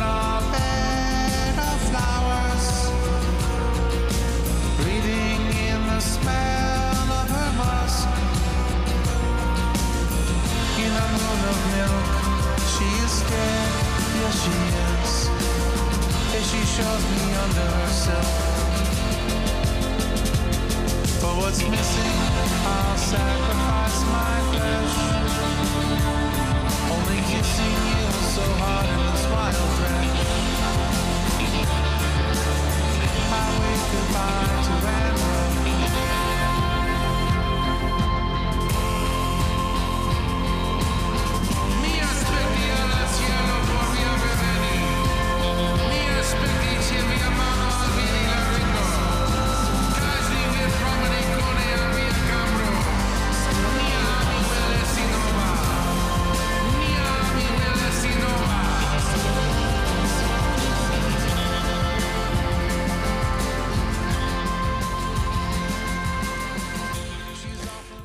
De hoofdpersoon eh, van jouw eh, roman van de week of vier, Ida, die eh, verwijst best wel vaak eh, naar series en naar films. Ze heeft het over de Sopranos als ze naar keek. En ze heeft het over, moment komt Jack Nicholson naar boven drijven bij haar en zijn rol in The Shining. Ze heeft het moment over iemand die ik echt vergeten was, Brenda. In Beverly Hills 90210, eh, tussen 1990 en 2000 een serie. Ehm, is dat bij jou zelf, merk je dat zelf ook? Dat, we hebben het natuurlijk heel veel over muziek, maar dat ook eh, series en films, dat dat een soort van referentie zijn of zelfs tijdsduidingen? Of, eh, Absoluut. Ja, ja, bijvoorbeeld Brenda, dat is echt een hele, hele grote tijdsduiding. Maar ja, nee, zo, zo werken. Nou ja, series is natuurlijk nu op een hele andere manier, omdat je ze nu gewoon op afroep kan bekijken. ja, en vaak ook in één keer. Heel veel Ja. mensen doen bin- binge-watching. Ja, ja, zeker. Maar ja, vroeger was televisie iets heel anders. En wij mochten thuis nooit echt tv kijken. Of tenminste, op, alleen maar op hele gezette tijden. Eh, dus dan, dat maakte het nog eh, zeg maar epischer als het dan wel mocht. Dus Het is gewoon zeg maar zo wat sommige mensen nu doen gewoon een hele avond tv hangen. Dat was dat bij jullie. Nee, en dat, dat ben ik op zich wel blij mee. Want dat zou ik nu zelf ook. Ik word er helemaal gallies van als ik... eh, ik, ik kijk wel eens bijvoorbeeld... kijk wel series en dan wil ik ook nog wel eens... Ja, die klinkt nu heel Calvinistisch. Een tweede keer eh, een aflevering opzetten. En heel soms drie. Maar dan voel ik wel van... af, dit, dit, trek ik, moet echt even ademhalen buiten of zoiets. Of dat, eh, ik kan nooit zo lang op de bank zitten. En daar ben ik op zich wel dankbaar voor. Want ja, ja, je hebt ook mensen waar dan de hele dag de televisie Je hebt mensen die vinden het heel moeilijk om van de bank af te komen. Ja, ja. nee, ik vind het moeilijk om erop te gaan zitten. Ja. En erop te blijven zitten vooral. Dat, eh, ik heb denk ik wel eens een jaar in mijn leven gehad... waarin ik de bank gewoon niet heb aangeraakt. Maar nee, televisie was vroeger voor mij... Ja, dat, als je iets verbiedt, dan heeft dat eh, natuurlijk nog veel meer aantrekkingskracht. Dus ik, alles wat ik niet mocht van mijn ouders, dat, eh, dat wilde ik. En dat heb ik ook gedaan in mijn puberteit later. Maar dat begon dus al met televisie. En toen keek ik volgens mij altijd... Oh, heet het ook alweer? Ja, daar moet ik nu ineens aan denken hoor. Eh was ik ook altijd een beetje verliefd op die detective met die... Magnum? Nee, die is nog voor mijn tijd volgens mij. Of net, iets- toen was ik nog net te jong om daar verliefd op te zijn. Ook een Nick Cave snor trouwens. Ja, zeker. Mannen met een snor, die hebben toch ook jou een streepje oh, voor. erg. Ja, nee, deze had geen snor, maar die had een hele foute, vette, lange haar. En, eh, ah shit, dan ben ik de naam vergeten. En die had ook zo'n cabrio. Ja, het is een soort Magnum, maar dan van de jaren tachtig. Oké, Hè, oh, wat slecht. Ik vergeet alle namen. Ik kom er ook wel nou die liefde is voorbij, dat is wel duidelijk. ja, sorry. en die ging ik dan altijd stiekem kijken. En eh, nou ja, de laatste tijd, ik vind wel, ja, ik kijk graag series. Al heb ik nu wel een beetje het gevoel dat ik ze heb uitgespeeld of zo. Dat ik, ik heb een beetje een seriecrisis. Je hebt het erg gevoel dat je alle een- goede dingen hebt gezien. Nee, lang niet waarschijnlijk. Maar ik heb nu zo'n periode dat elke keer dan begin ik aan een nieuwe serie. En dan denk ik, nou, ik kan me niet echt boeien. En ik vind wel, ja, dat is misschien een beetje verwend. Maar ik vind wel bij ehm, een serie of een film... Ik wil best investeren en ik wil best even zeg maar doorbijten. Maar tegelijk denk ik, ja, dat is ook stom. Het moet, ik moet wel eigenlijk... Het moet ook geen kwestie van doorzetten zijn. Nee, Je moet wel... na een paar ja, uur mag je wel leveren. Exact. Ja. En als dat niet gebeurt, ja, laat dan maar. Dat, eh, daar ben ik nu iets makkelijker in geworden. Dat heb ik met boeken ook. Ja, en natuurlijk wel met series. Soms weet je, dan krijg je een serie aangeraden. Dan kijk je, oké, het zijn zeven seizoenen die ik nu achterleg. Ja. Dan weet je ook na de drie uur, oké, als ik het niet tof vind, volgen nog 67 uur van mijn leven. Dat is best veel. Oh, dat is heel veel. Ja, maar zo heb je ook wel eens... ehm, bijvoorbeeld, ik heb... ehm, ik weet niet of je die gezien hebt. ehm, en waar- daar denk ik dus van. Die heb ik al zo vaak getipt gekregen. En dat is ook volgens mij objectief een van de beste series ooit. The Wire. Ja, fantastisch. Ja, nou die heb ik dus. Ik heb hem twee keer geprobeerd, dat is lang geleden. En ik, toen, toen kwam ik er niet in. Maar dat, dat lag waarschijnlijk ook aan. Ik had misschien toen niet zo'n zin in die sfeer of zoiets. En die heb ik nog wel in mijn hoofd als, oh ja, die wil ik heel graag gaan kijken. Want waarschijnlijk eh, kan het niet anders dan dat ik hem goed ga vinden. Dus dat is wel fijn om nog in het vat te hebben. Ja. Maar, ehm, en dat heb ik met Game of Thrones trouwens ook. Waarvan ik wel misschien twijfel. Ik weet niet of ik dat echt heel tof ga vinden. Maar dat vind ik ook fijn om nog achter de hand te hebben. Van stel, er komt een periode in mijn leven waarin ik eh, op de bank wil liggen. In Apeldoorn ga je dan naar kijken. Bij dat bos. Dan ga je ja, al dan die... heb eh, ik die nog, ja. terwijl je van de perenbomen en de frambozen kijk je even terug naar je serie. Staren naar de perenboom en onderwijl Game of Thrones op de achtergrond. We gaan hele andere muziek draaien. We gaan naar Snap luisteren. Eh, dit, dit is in 1992. Dit, dit- is eh, de tijd dat je de puberteit ging studeren? Of? Ehm, nee, toen was ik dus tien. Ehm, ik was op zich wel een vroege puber, maar Mhm. niet zo vroeg. Nee. Dit was, ehm, ik zat nog op de basisschool en ik weet, ja, kijk, dit nummer, eh, ja, ik kan hem gewoon niet, niet op, op welke lijst ook, hoe kort je de top zoveel ook maakt, Snap staat erop. Terwijl En ook altijd deze, er- Rhythm is a. Dancer. Ja, altijd deze, gewoon absoluut. I've got a power. Is ook een enorme Nee, deze, Oh, ja. sorry hoor. Nou, Nee, het is voor mij. Kijk, er is best wel veel slecht aan dit nummer. Ehm, alleen al de naam van die rapper Turbo B. En, en die rap zelf is ook best wel slecht. En die zin, die, dat is de, de slechtste zin uit de hele popgeschiedenis volgens mij. Van, hoe gaat het ook weer? eh I'm serious as cancer. Ja. Oh, nou ja, dat is echt gewoon gedrocht. ja. Maar dit Het liedje motto was duidelijk, het moet rijmen. Dit En we hebben Dancer al. Ja, exact het tegenovergestelde van Nick Cave, eerlijk gezegd. Eh, de, de tekst is, is afzichtelijk, maar Maar toch, Ja, is, ken ik de- iets? Is dat dan eh, alleen maar eh, de Voor herinnering? mij is dit complete melancholie en, en, en nostalgie. En, en het, het zit bijna in mijn DNA, dit liedje. Ik, ik, ik zat in volgens mij groep 6 of 7. En toen dit uitkwam en ik was verliefd op Frans. En die zat één of twee klassen hoger. En ja, ik was echt vreselijk verliefd op Maar die was dan 12. Ja, die was... Dus je eh, had nog geen snor. Volgens mij had hij een beginnend snorren. Oh ja, kijk. Ja, daar is het ontstaan. ja. ja, oh, en hij had ook al echt eh, zo'n zweetgeur van iemand die ouder is dan de basisschool. Ja, ja. Dat was echt De verschrikkelijk. hormonen gierden al door Frans lijf. Ja, ja, en ik was gewoon nog tien. Maar wel, zeg maar, dat met, met de bonte avond kwam dan, zeg maar, eh, dit nummer. En dat is gewoon voor altijd in mijn systeem gegrift. En ik dacht nog van, eigenlijk zou het wel heel leuk zijn als je... Ja, ik denk, als ik, stel, ik zou ooit een radioshow gaan, eh, gaan beginnen. Wat natuurlijk niet gaat gebeuren. Maar stel, dan zou ik het echt super leuk vinden om aan alle gasten alleen maar lijstjes te vragen van... oké, al je verliefdheden. En dan van elke verliefdheid één nummer. Oh ja. Want dat is volgens mij, bij mij althans... dat is wel het moment in je leven waarop de poort het meest open staat, zeg maar. Dan ben je ontvankelijk voor alles en dan komt alles ook het hardst binnen. Dus Ja. dan, daarom zit dit zo in mijn systeem gegrift. Ik was verliefd en toen was dit liedje er. En helemaal als je zeg maar nog jong bent, dan, dan is die grens nog wat, eh, wat dunner, zeg maar. Dan komt alles... Ja, kijk, kijk, nu heb je al best wel wat eelt overal overheen zitten. En wat Ja. gordijntjes dichtgetrokken en deuren dichtgesmeten en zo. En, maar ja, als je jong bent, nog helemaal niet. En dan heb je ook nog niet zo'n referentiekader wat muziek betreft. Nee. En ja, ik, als ik alleen al over praat, dan, als ik dit hoor, ik, ik vind, ja, wat ik net al zei, er is heel veel slecht aan. Maar dit, het zit zo in mijn bloed. Ik heb zelfs een keertje, dan gaf ik een feestje in een, in een, in een, in een kroeg waar ze een jukebox hadden staan. Het was een nachtcafé en dat mocht dan tot, eh, door de week tot drie uur door, geloof ik.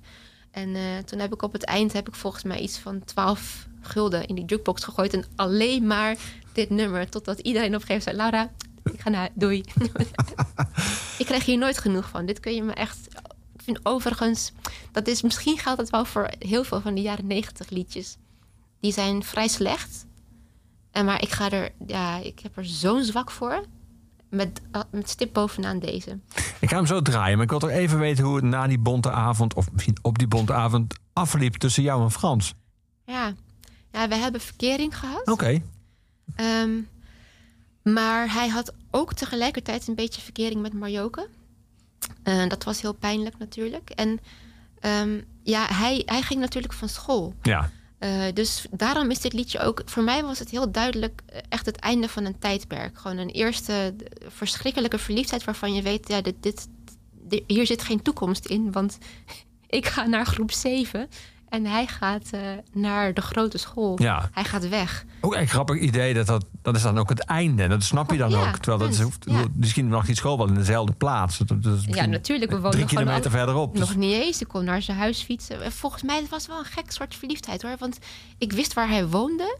En hij kwam volgens mij wel eens bij mij op bezoek toen wij verkering hadden. En dan zei mijn moeder ook van... oh ja, ik ruik dat Frans is geweest. Want dan rook ze zweet, zeg maar.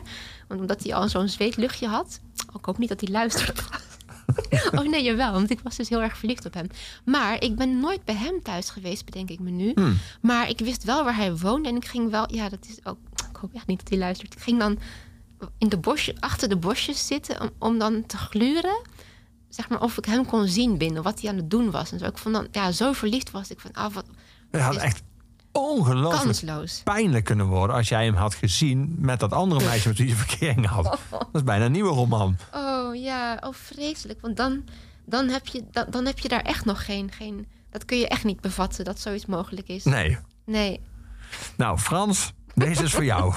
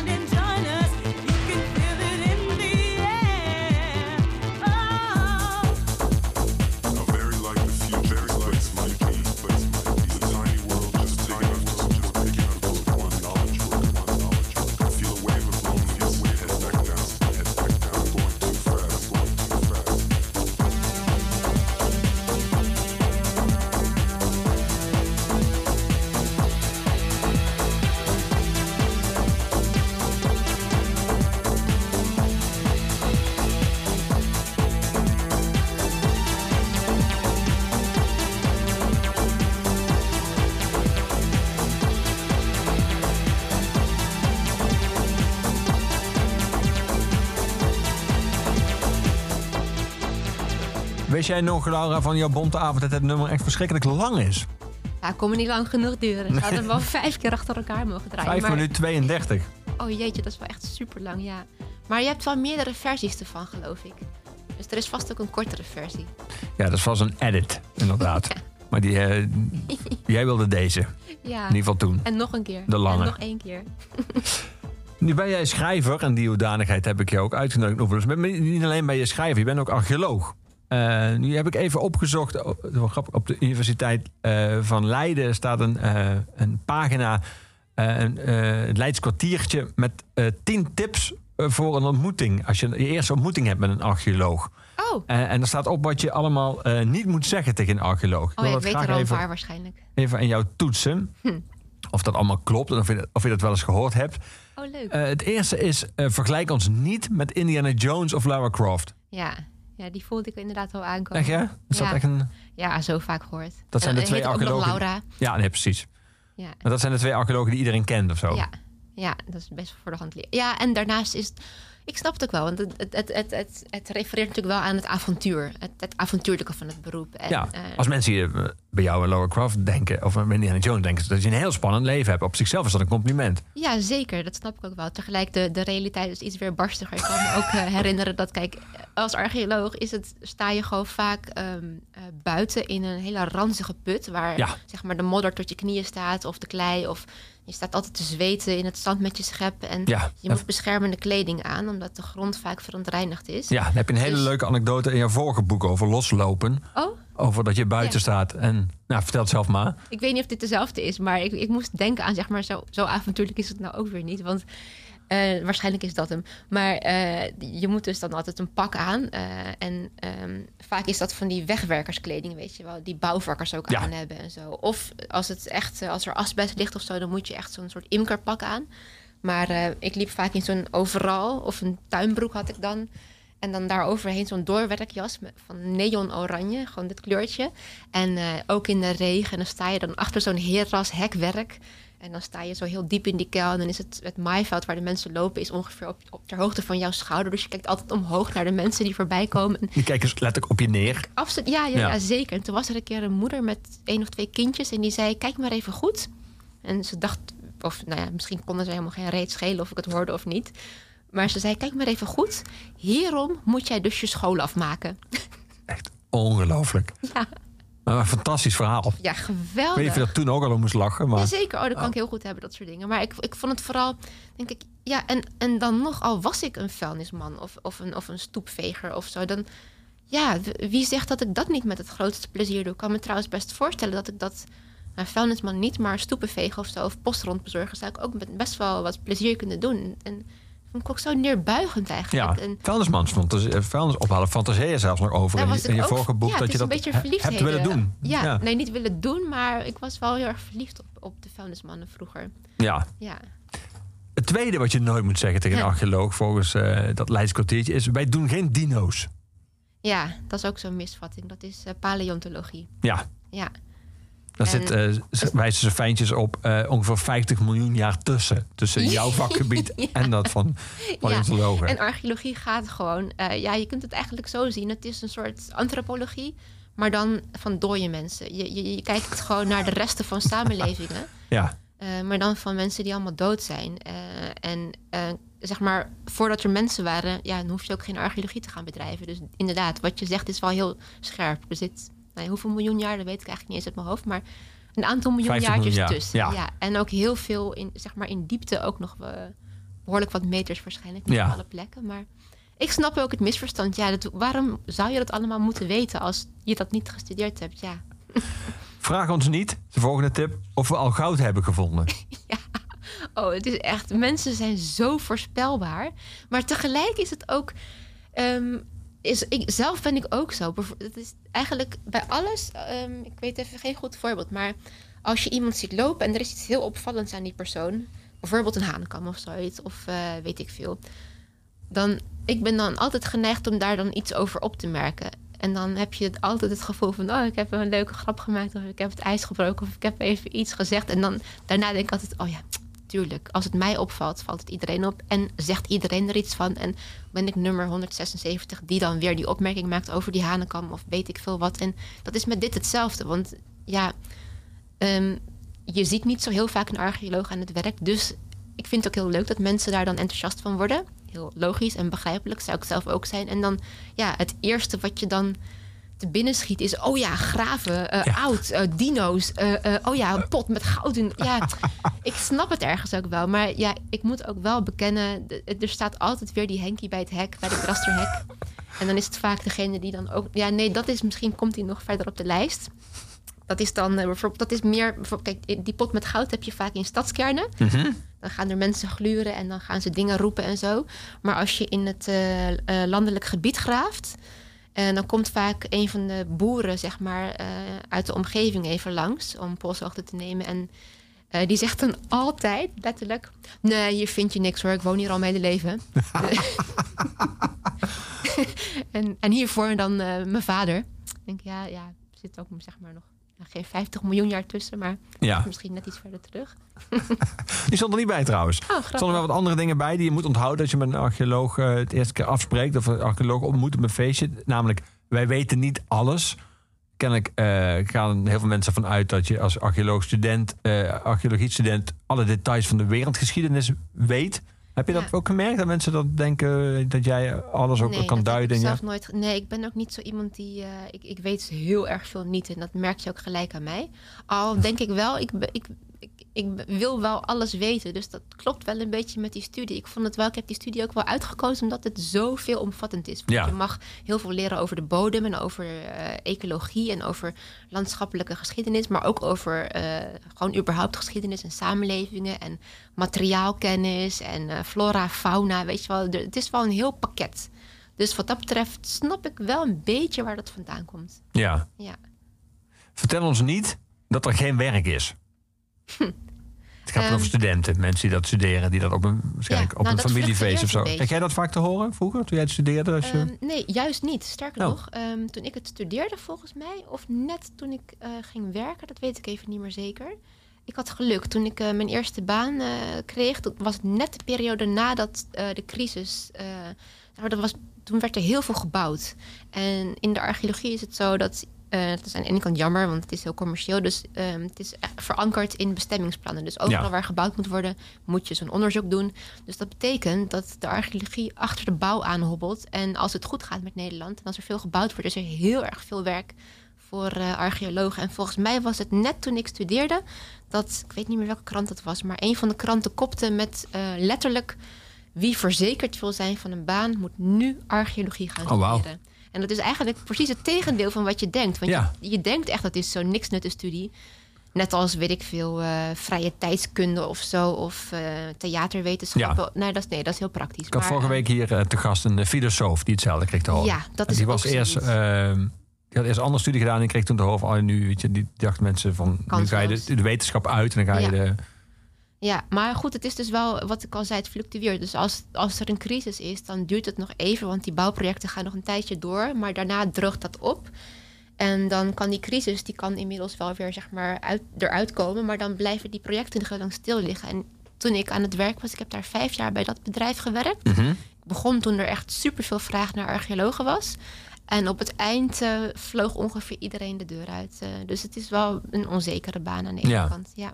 En er zijn er ook, maar ja, ik bedoel, je hebt niet 500.000 archeologen nodig. En gelukkig zijn er ook niet zo heel veel, eh, ik weet niet zoveel, ik denk dat er duizend zijn in Nederland of zoiets. En mijn, mijn hoe, hoe noem je dat, klas? Groep? Jouw jaar. Mijn jaar inderdaad, ja. Ik moest even nadenken. Mijn jaar. Op het eind waren we nog met, denk ik, zes of zoiets. Het is een afvalrace. Ja, ja. we begonnen met, ik denk, 20 of 25 en eh, we eindigden met zes. Zo. Ja, En die andere veertien, waar zijn die gebleven? dood? nee, niet. opgegraven door jullie. Ja. Eh, het staat ook in, dat wordt een beetje studentenkoos. Want het, ging natuurlijk, het was een site die, waar ik het vond eh, voor studenten. ehm, dat je moet onthouden, voor archeologen geldt bier is altijd goed. Ja.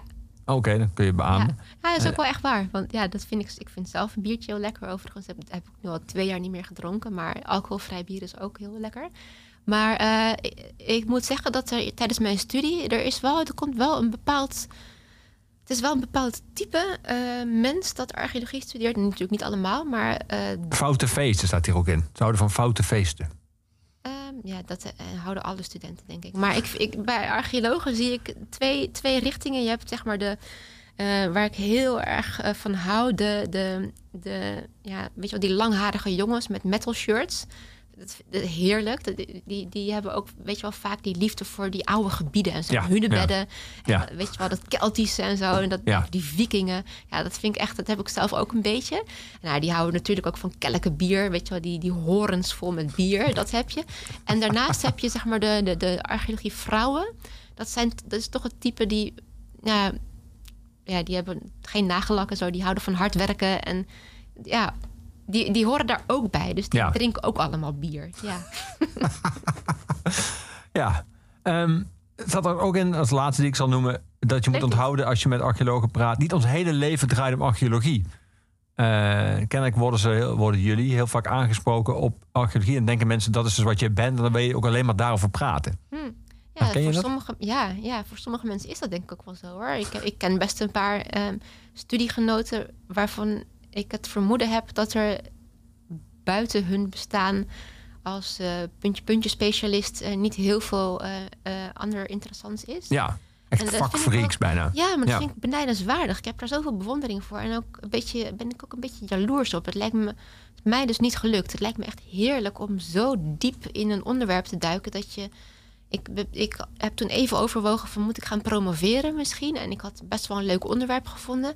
Maar toen zag ik mezelf, ja, ik, ik heb, ben daarvoor niet uit het juiste hout gesneden. Want dan moet je dus minstens vier jaar op zo'n kamertje zitten en steeds maar weer bij dat onderwerp en dieper en dieper Ja. en dieper. En de romantiek daarvan, zeg maar, als ik het zo van buitenaf bekijk, denk ik, nou wat heerlijk. Dat lijkt me echt, vind ik zo'n romantisch beeld. Dat zou ik zo graag willen kunnen, Wil ik... maar ik kan Ja. het niet. Nee, want je schrijft in het boek, we hebben het nu over een week of vier, maar jouw vorige boek heette Loslopen. Dat was eigenlijk over alle, ging over alle dingen die je meemaakt, avonturen ook die je meemaakt, ontmoetingen die je hebt sinds Taki in jouw leven was, die eerst Nassi heette en dus een hond was. Eh daarin schrijf jij dat jij over het algemeen hobby's hebt die nooit langer dan een jaar duren. Eh, net als jouw broeken, je hakken en je vriendjes. Eh, voor schrijven geldt dat wel.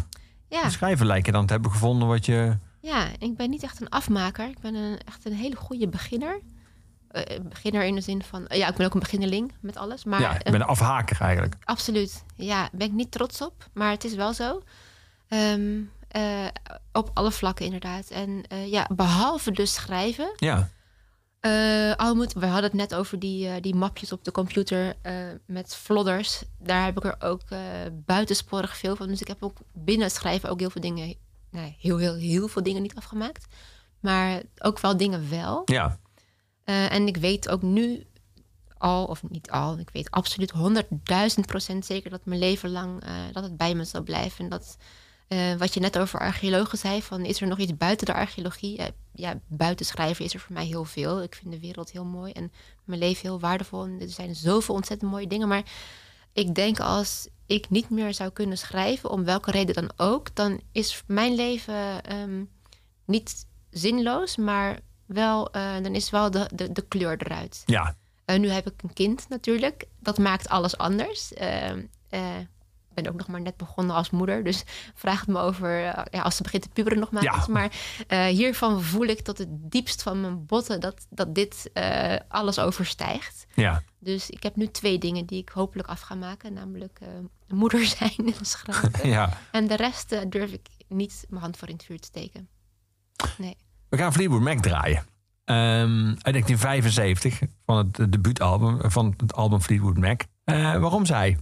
Ja, dat is ook weer zo'n. eh, daar had ik er ook meerdere van kunnen kiezen. Maar dit liedje, die stem van haar. Er is Van bijna. Stevie Nicks. Stevie Nicks. Ja. Ja, ik, verstond bijna. Dat vind je niks. Nee, Nee, nee, van Stevie Nicks. Nee. Zal ze ook, Ja. ook vaak horen. Ja, zo'n achternaam. Ja, ja, ook iconische naam ook gelijk. Maar ook hoe zij zingt. Dat, dat, dat, dat, die passage over die, die, die, dat, die kat in het donker, die ook de darkness is. En dat, dat raspje. Dat, dat, dat, dat, ik vind dat zo mooi dat er zo'n stukje, zo'n schorheid erin zit. En er is ook een, er, er is een opname van, volgens mij is dat, ik denk uit 5 of 76. Toen was ik dus nog niet eens geboren, dus ik zeg het zo heel casual. Maar dat, dat heb ik alleen maar onthouden. Maar dat, dat volgens mij was, was zij toen nog niet heel beroemd. En dan zingen ze dit liedje, zij en haar, dat was toen haar geliefde. En eh, ik denk uit 1976, dan is het gewoon, dan zijn ze nog vrij klein. Ja, die, je haren gaan overeind staan. Het is zo mooi. Zij heeft dan, ja, het is ook een prachtige vrouw. Dat haar van haar, dat is Ja, ja. alsof ze vijf pruiken over elkaar draagt met een konijn erbovenop. Dat je echt denkt, ja, dit is niet echt, maar natuurlijk is het wel echt. En dit liedje is dan ook nog een soort, ik vind het een soort persoon, hoe zeg je dat? Personificatie van haarzelf. Ja, Terwijl het verhaal gaat dus dat zij, het heet Rhiannon. Eh, zij las een keer een romannetje waarin die naam voorkwam, Rhiannon. En ze vond het een mooie naam en dat heeft haar geïnspireerd om een liedje te schrijven. Naar eigen zeggen is dat zo in één keer ontstaan. En later kwam ze er pas achter dat Rhiannon een, ehm, ja, niet een heks, maar hoe zeg je dat nou? Een soort mythisch figuur uit, eh, volgens mij uit Ierland of zoiets. Of een soort Ierse mythische koningin was die bezit nam van eh, vrouwenhoofden of zoiets. Ook een heel mooi verhaal. Ook eh, op een paard. Het is wel een beetje een thema. Die kwam ook op een paard met, eh, met vogels en zo. En ehm, daar kwam ze pas later achter. Maar ik vind haar zelf ook iets, iets, iets mythisch hebben, die, die, die Stevie Nicks. En vooral in dit nummer en vooral die opname. Dus als je dit hoort, moet je echt even die, die opname gaan, gaan opzoeken. In 1976, denk ik. Ja, dan hoe zij, en als je ook weet dat hij haar geliefde is. Ja. Ze zijn natuurlijk waarschijnlijk best wel onder invloed, denk ik. Dat is wel een beetje die tijd. En zij zijn ook een beetje dat soort mensen. Ja, en als dat dan zeg maar dit heeft voortgebracht, dan denk ik, oh god dank hebben ze dat allemaal gedaan. Want het is goud. Ja, is eh, van het album eh, een titeloze album 1975. Overigens niet een debuut, zoals ik net op buis zei. Maar eh, het album Fleetwood Mac van Fleetwood Mac 1975. Rhiannon. Rhiannon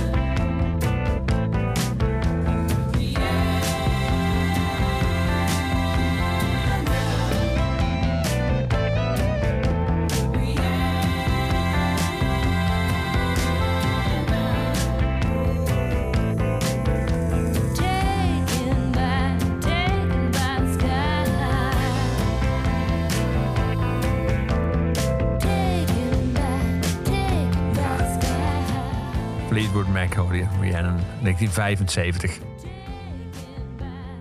Is die nu al voorbij? Ik ga hem langzaam wegdraaien. Op de achtergrond sluimert Nixie. Steven Nicks sluipert op de achtergrond verder. Ouderwetse solo. Er staat een gruwelijke mededeling, zo bijna nonchalant in jouw eh, boek loslopen over de avonturen die je meemaakt met Taki, de hond. En het is dat op een gegeven moment jij ooit twee dwerghamsters hebt gehad. En dat één dwerghamster de kop van de ander heeft afgebeten. Dat staat er een soort van zinnetje waar je allemaal soort van even eh, je, je verleden met dieren uit de doeken doet. Maar die zin die bleef nogal hangen bij mij. Dat Ja. klinkt namelijk echt verschrikkelijk. Ja. Ik heb het nog nooit gehoord. Ja, dat schijnt zo te zijn. Eh, wat meer dieren doen dat. Als er bijvoorbeeld eentje zwak is of ziek, dat is gewoon, dan doe je een, een gunst aan de roedel of de groep. Ja, die moet weg. Je hebt gewoon Darwin in het echt gezien, het Ja, mechanisme van Darwin. Darwin. Gewoon niet. Darwin Doom. Ja, ja inderdaad. Oh, och ja. Ik heb zoveel nare dierendingen. Maar volgens mij is dat omdat... ehm, ik denk dat die ene dan ziek is geweest of zoiets. En dat die ander dan heeft bedacht van... oké, die moeten we dus uit zijn lijden verlossen... en ervoor zorgen dat hij niet de rest van... eh, ik- ik denk dat het zo werkt eigenlijk. Ja, sorry daarvoor. Het is verschrikkelijk. Nou, het was wel verschrikkelijk voor jou en voor de Ja. dwerghamster ja, ik in heb een kwestie. portie trauma met dieren wel gehad. Ja, jeetje. Of, Ja. Toen ik dat boek las eh, over jouw avontuur met Taki, loslopen, toen, toen dacht ik, ik kan me voorstellen dat als je daaraan begint eh, en besluit van alles wat je dan van nu, van nu meemaakt is potentieel materiaal, dat je ook met een soort versterkt, eh, bijna met versterkte zintuigen naar alles kijkt. Dat viel me op een gegeven moment op. Moest ik erg om lachen. Eh, een scène waar je, die op zichzelf heel verdrietig is. Waar je bloemen legt bij eh, de fietsenmaker in jouw buurt. Die, die overleden is, die vermoord is. Eh, en hebben ze, weer even, hebben ze gemeld dat er twee verdachten zijn. En dan schrijf je een normale en een tengere. Daar moest ik heel erg om lachen. Omdat de, de formulering dat iemand een tenger bestuur heeft, een postuur heeft... en dan staat er weer een normaal postuur... wat natuurlijk echt best wel een grappige beschrijving is... Ik heb nog nooit gelezen dat iemand dat een soort van ombuigt en een postuur eruit haalde. Gewoon twee mensen overhouden, een normale en een tengere. Maar toen dacht ik, waarschijnlijk heb je dan in die tijd gewoon met een soort van extra intensiteit naar alles geluisterd en alles opgepikt. Want dan heb je zo'n zinnetje opeens uit een opsporing verzocht of uit een journaal gehaald. En die heeft dan je boek gehaald in een andere vorm. Nou, ik denk dat ik sowieso wel met een intensiteit kijk. Dat, dat, dat is gewoon zo. Eh, en daarnaast had ik heel veel al. Dus Mhm. dit was volgens mij al voordat ik wist dat het een boek zou worden. Dus er ik heb het uiteindelijk ben het gaan samenstellen... omdat ik blijkbaar ineens zoveel verhalen had...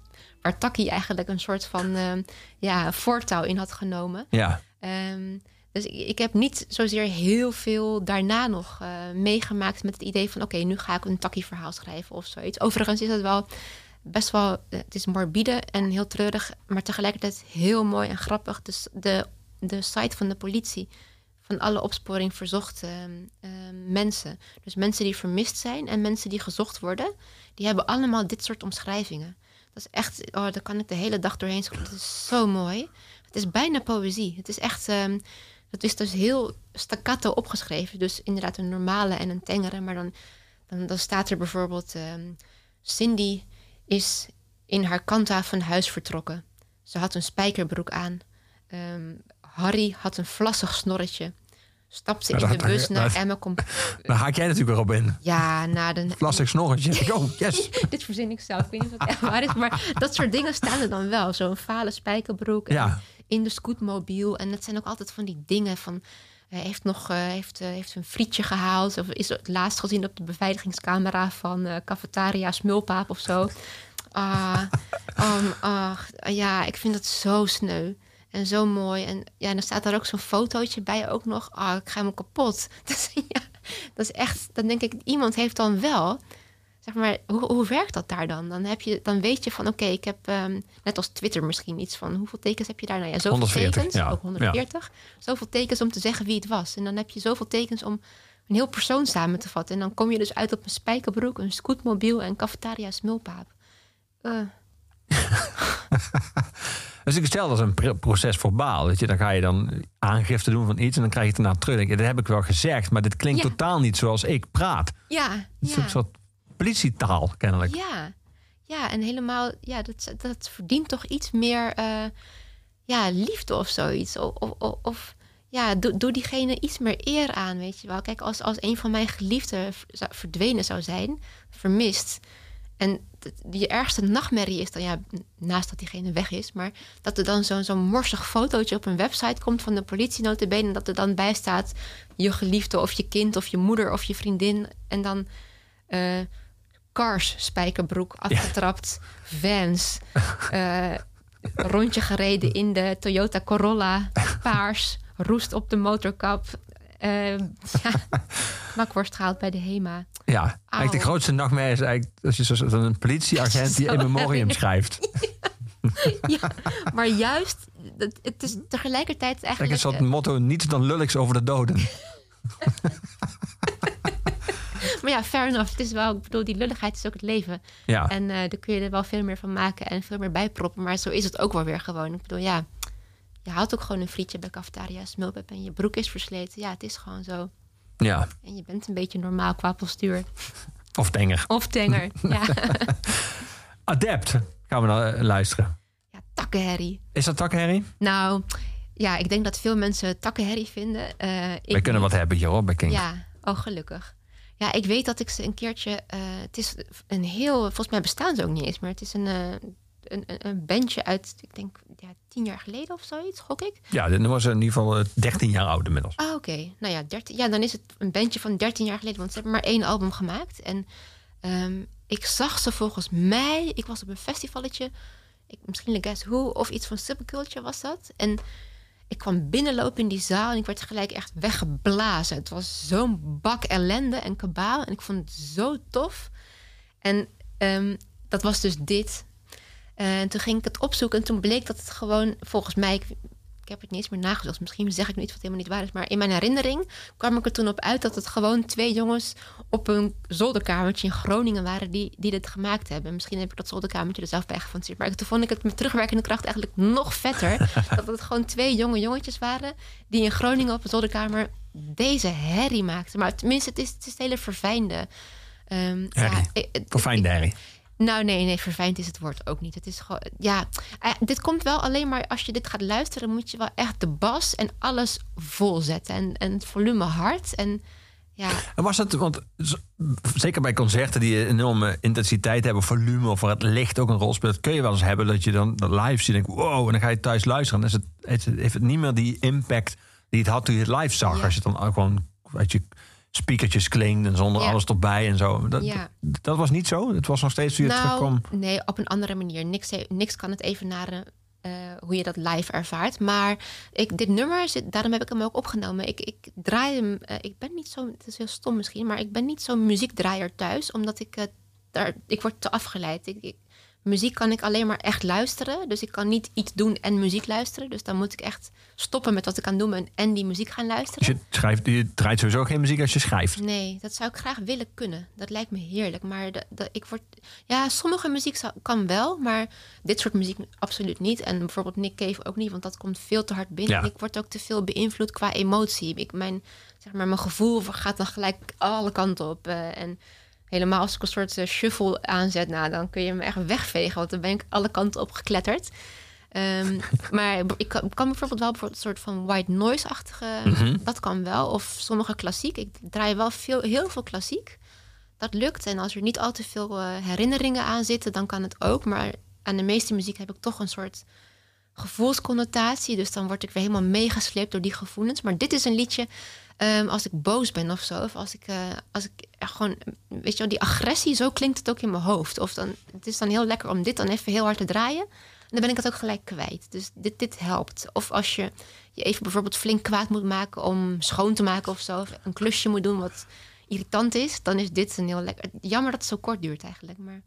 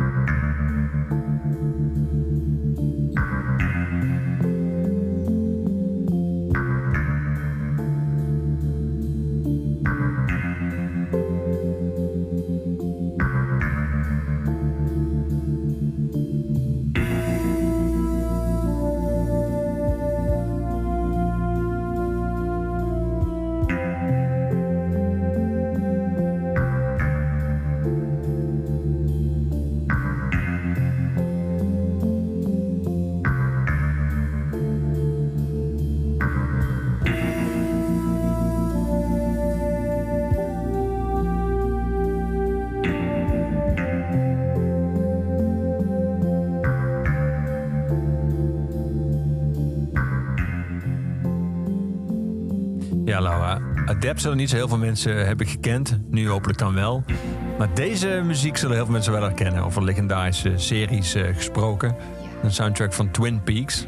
Waarom deze? Ik laat hem gewoon lekker doorlopen op de achtergrond. Nou, de- we hadden het net over series die iets bepalen in je leven. En voor mij staat Twin Peaks mijlen ver bovenaan. Het is Ja. de serie der series, vind ik. En sowieso heb je, schrijf je loslopen ook over David Lynch. Heb je al Ja. hoog zitten. To put it hoog. kindly. Ja. Ja, ja. En ik vind qua muziek, ehm, de, de- die kunnen niet los van elkaar bestaan. Volgens mij, ehm, ehm, deze muziek die transporteert je echt direct naar die wereld. Als ik die, alleen die begintonen al hoor, dan Ja. zit ik gelijk in die Pinewoods. En dan, dan komt die hele sfeer terug. En dat, dat dorpje, dat, dat, dat Noordwest-Amerikaanse kleine dorpje. En Ehm, het, ja, geniaal. En het is ook zo mooi, omdat er is een filmpje van ehm, ehm, Angelo Badalamenti. Dat is de composer van Ja. deze muziek. En die werken dan heel eh, nauw samen, hij en David Lynch. En het schijnt dus zo te zijn, dat wist ik niet. Maar daar kwam ik later achter. Dat ehm, zij hebben dit dus samen gemaakt. En op basis van die muziek heeft David Lynch eigenlijk eh, zag, eh, eh, eh, deels Twin Peaks gevormd. Er is een heel mooi filmpje, dat staat volgens mij gewoon op YouTube. Dan zie je Angelo Badalamenti, dat is volgens mij van een paar jaar geleden. Dan is hij best wel oud. Dan beschrijft hij hoe dat ging. Hoe hij ehm, samen met David Lynch, David noemt hij hem. eh, hoe zij Dat mag hij. eh, hij Ja. mag dat, want hij is Angelo. hoe zij die muziek maakte. Dan zie je hem zo achter zijn keyboard zitten op die pianokruk. En dan zegt hij, nou, dan David zat dan hier, echt pal naast hem op die kruk.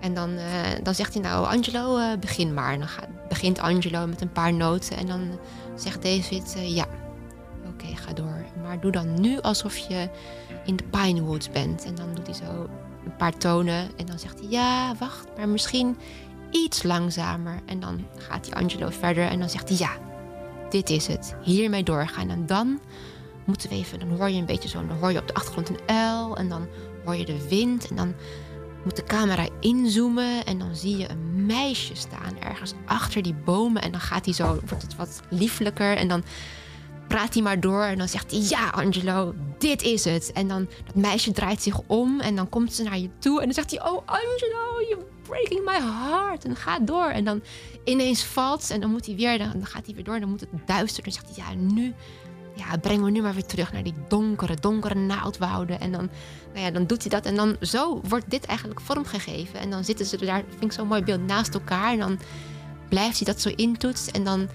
Nou, dan zegt hij eh, op een gegeven moment, eh, denkt hij, ja, dit is het, dit is het. En dan zegt Angelo, beschrijft hij dan van, oké, nou ja, top, eh, gaan we doen. Ik ga naar huis, ik ga, ik ga eraan werken. En dan zegt David, nee, je verandert geen enkele noot. I see Twin Peaks. En zo is dat dan ontstaan. En ik vind dat, ja, het, het is zo knap dat je die wereld zo... Het is een allesomvattend kunstwerk. En in principe, kijk, die tonen, dat nummer, die, die teamsong is vrij ja, sim, nou, simpel wil ik niet zeggen, maar... In ieder geval repetitief, dat kunnen we wel ja, vaststellen. laten- ja, exact. Ja, inderdaad. Als je dit vijf minuten aanhoort en je hebt die serie nooit gezien... Ja, ben ik wel benieuwd naar of je, hoe dat dan binnenkomt. Als je nooit Twin Peaks gezien hebt en je luistert dit, wat je dan denkt. Maar ik denk er gelijk heel erg veel dingen bij. En dat vind ik heel erg knap. Ja, Zo echt een gezamt kunst. kunstwerk. Ja. ja. En nu, Laura, ga je door nu met die roman die je in het begin van deze uitzending vervloekt hebt? Ja, ik ben, ik ben al aan het doorgaan, maar ik ben nog steeds een beetje. Ik ben er vloekend op aan het doorgaan. Oké. Maar wel met de hoop, en ik weet dat het gaat lukken, eh, dat ik op een dag een doorbraak heb. Eh, maar daar hoop ik nu steeds op dat die gaat komen. Maar hij is er nog steeds niet. Maar goed, het is ook minder erg, want nu is er tussendoor even iets gelukt wat me dan weer iets meer zelfvertrouwen Ja. geeft dat dit ook heus op een dag gaat lukken. Ja, ja Ja, heel goed geluk zelfs. Zeer veel plezier gelezen, een week of vier. fijn. Dank En ik heb wel aardig wat mensen hebben hier gezeten die eh, met een boek kwamen. Wat heel goed ontvangen werd, of wat heel veel groot succes was. Of waar ze gewoon zelf heel tevreden mee waren. En dat ik vroeg naar de weg naar de boek en dat die hels was. Oh ja? Dus Ja. het kan ook gewoon eh, dat het nodig is om er te komen. En Ja, dat het het achteraf allemaal een, zijn functie had. Ja, het is grappig. Er zijn zoveel wegen naar een boek. Ja. Dat merk ik nu zelf in mijn eigen schrijven. Ja, dat weet jij misschien ook wel. Maar ja, ik heb ze nu, heb ik er meerdere bewandeld. Dit was veruit de makkelijkste. Ja, en de snelste ook. Ja, snelste, ja. ja. Niet per se de makkelijkste qua eh, mentale inspanning. Maar eh, ja, ik zou het wel fijn vinden als, als, als, er, als er iets van die sprank, zeg maar. Want het was, was zo'n samenballing of explosie van werk in één keer. En dat is toch wat lekkerder dan nu al, weet je, zo anderhalf jaar aan zo'n zo'n dood paard van eh 800 kilo sjorren en er komt maar geen beweging in. Ja. We wachten het af en ik hoop je dan ooit weer hier te mogen verwelkomen. Als, als Ja, misschien lukt het ineens binnen vier leven weken dat ik er over Ja. twee maanden toch uit ben. Leuk. Dan zie ik je over vier weken. Yes. Dankjewel dat je er was. Een week of vier, zo heet die roman, uitgegeven door uitgeverij Podium. Waar al jouw boeken uitkomen. Altijd wel mooi. Als je ze samen naast elkaar hebt staan, heb je overal die P van Podium Ja. bij elkaar staan. Precies. Ehm, dit was Oeverloos voor vandaag. Eh Oeverloos kun je tot een einde der tijden terugluisteren als podcast eh, op de Kink-site, de Kink-app of via de streamingplatform Spotify of Deezer of Apple Music. Het laatste woord van iedere Oeverloos die je wordt aangeboden door de muziekgieterij is uiteraard aan onze postuumhuisdichter Luc de Vos. Laatste nummer is altijd van Gorky. Dit is ter afsluiting van deze Oeverloos met Laura van der Haar. Gorky met Wacht niet te lang.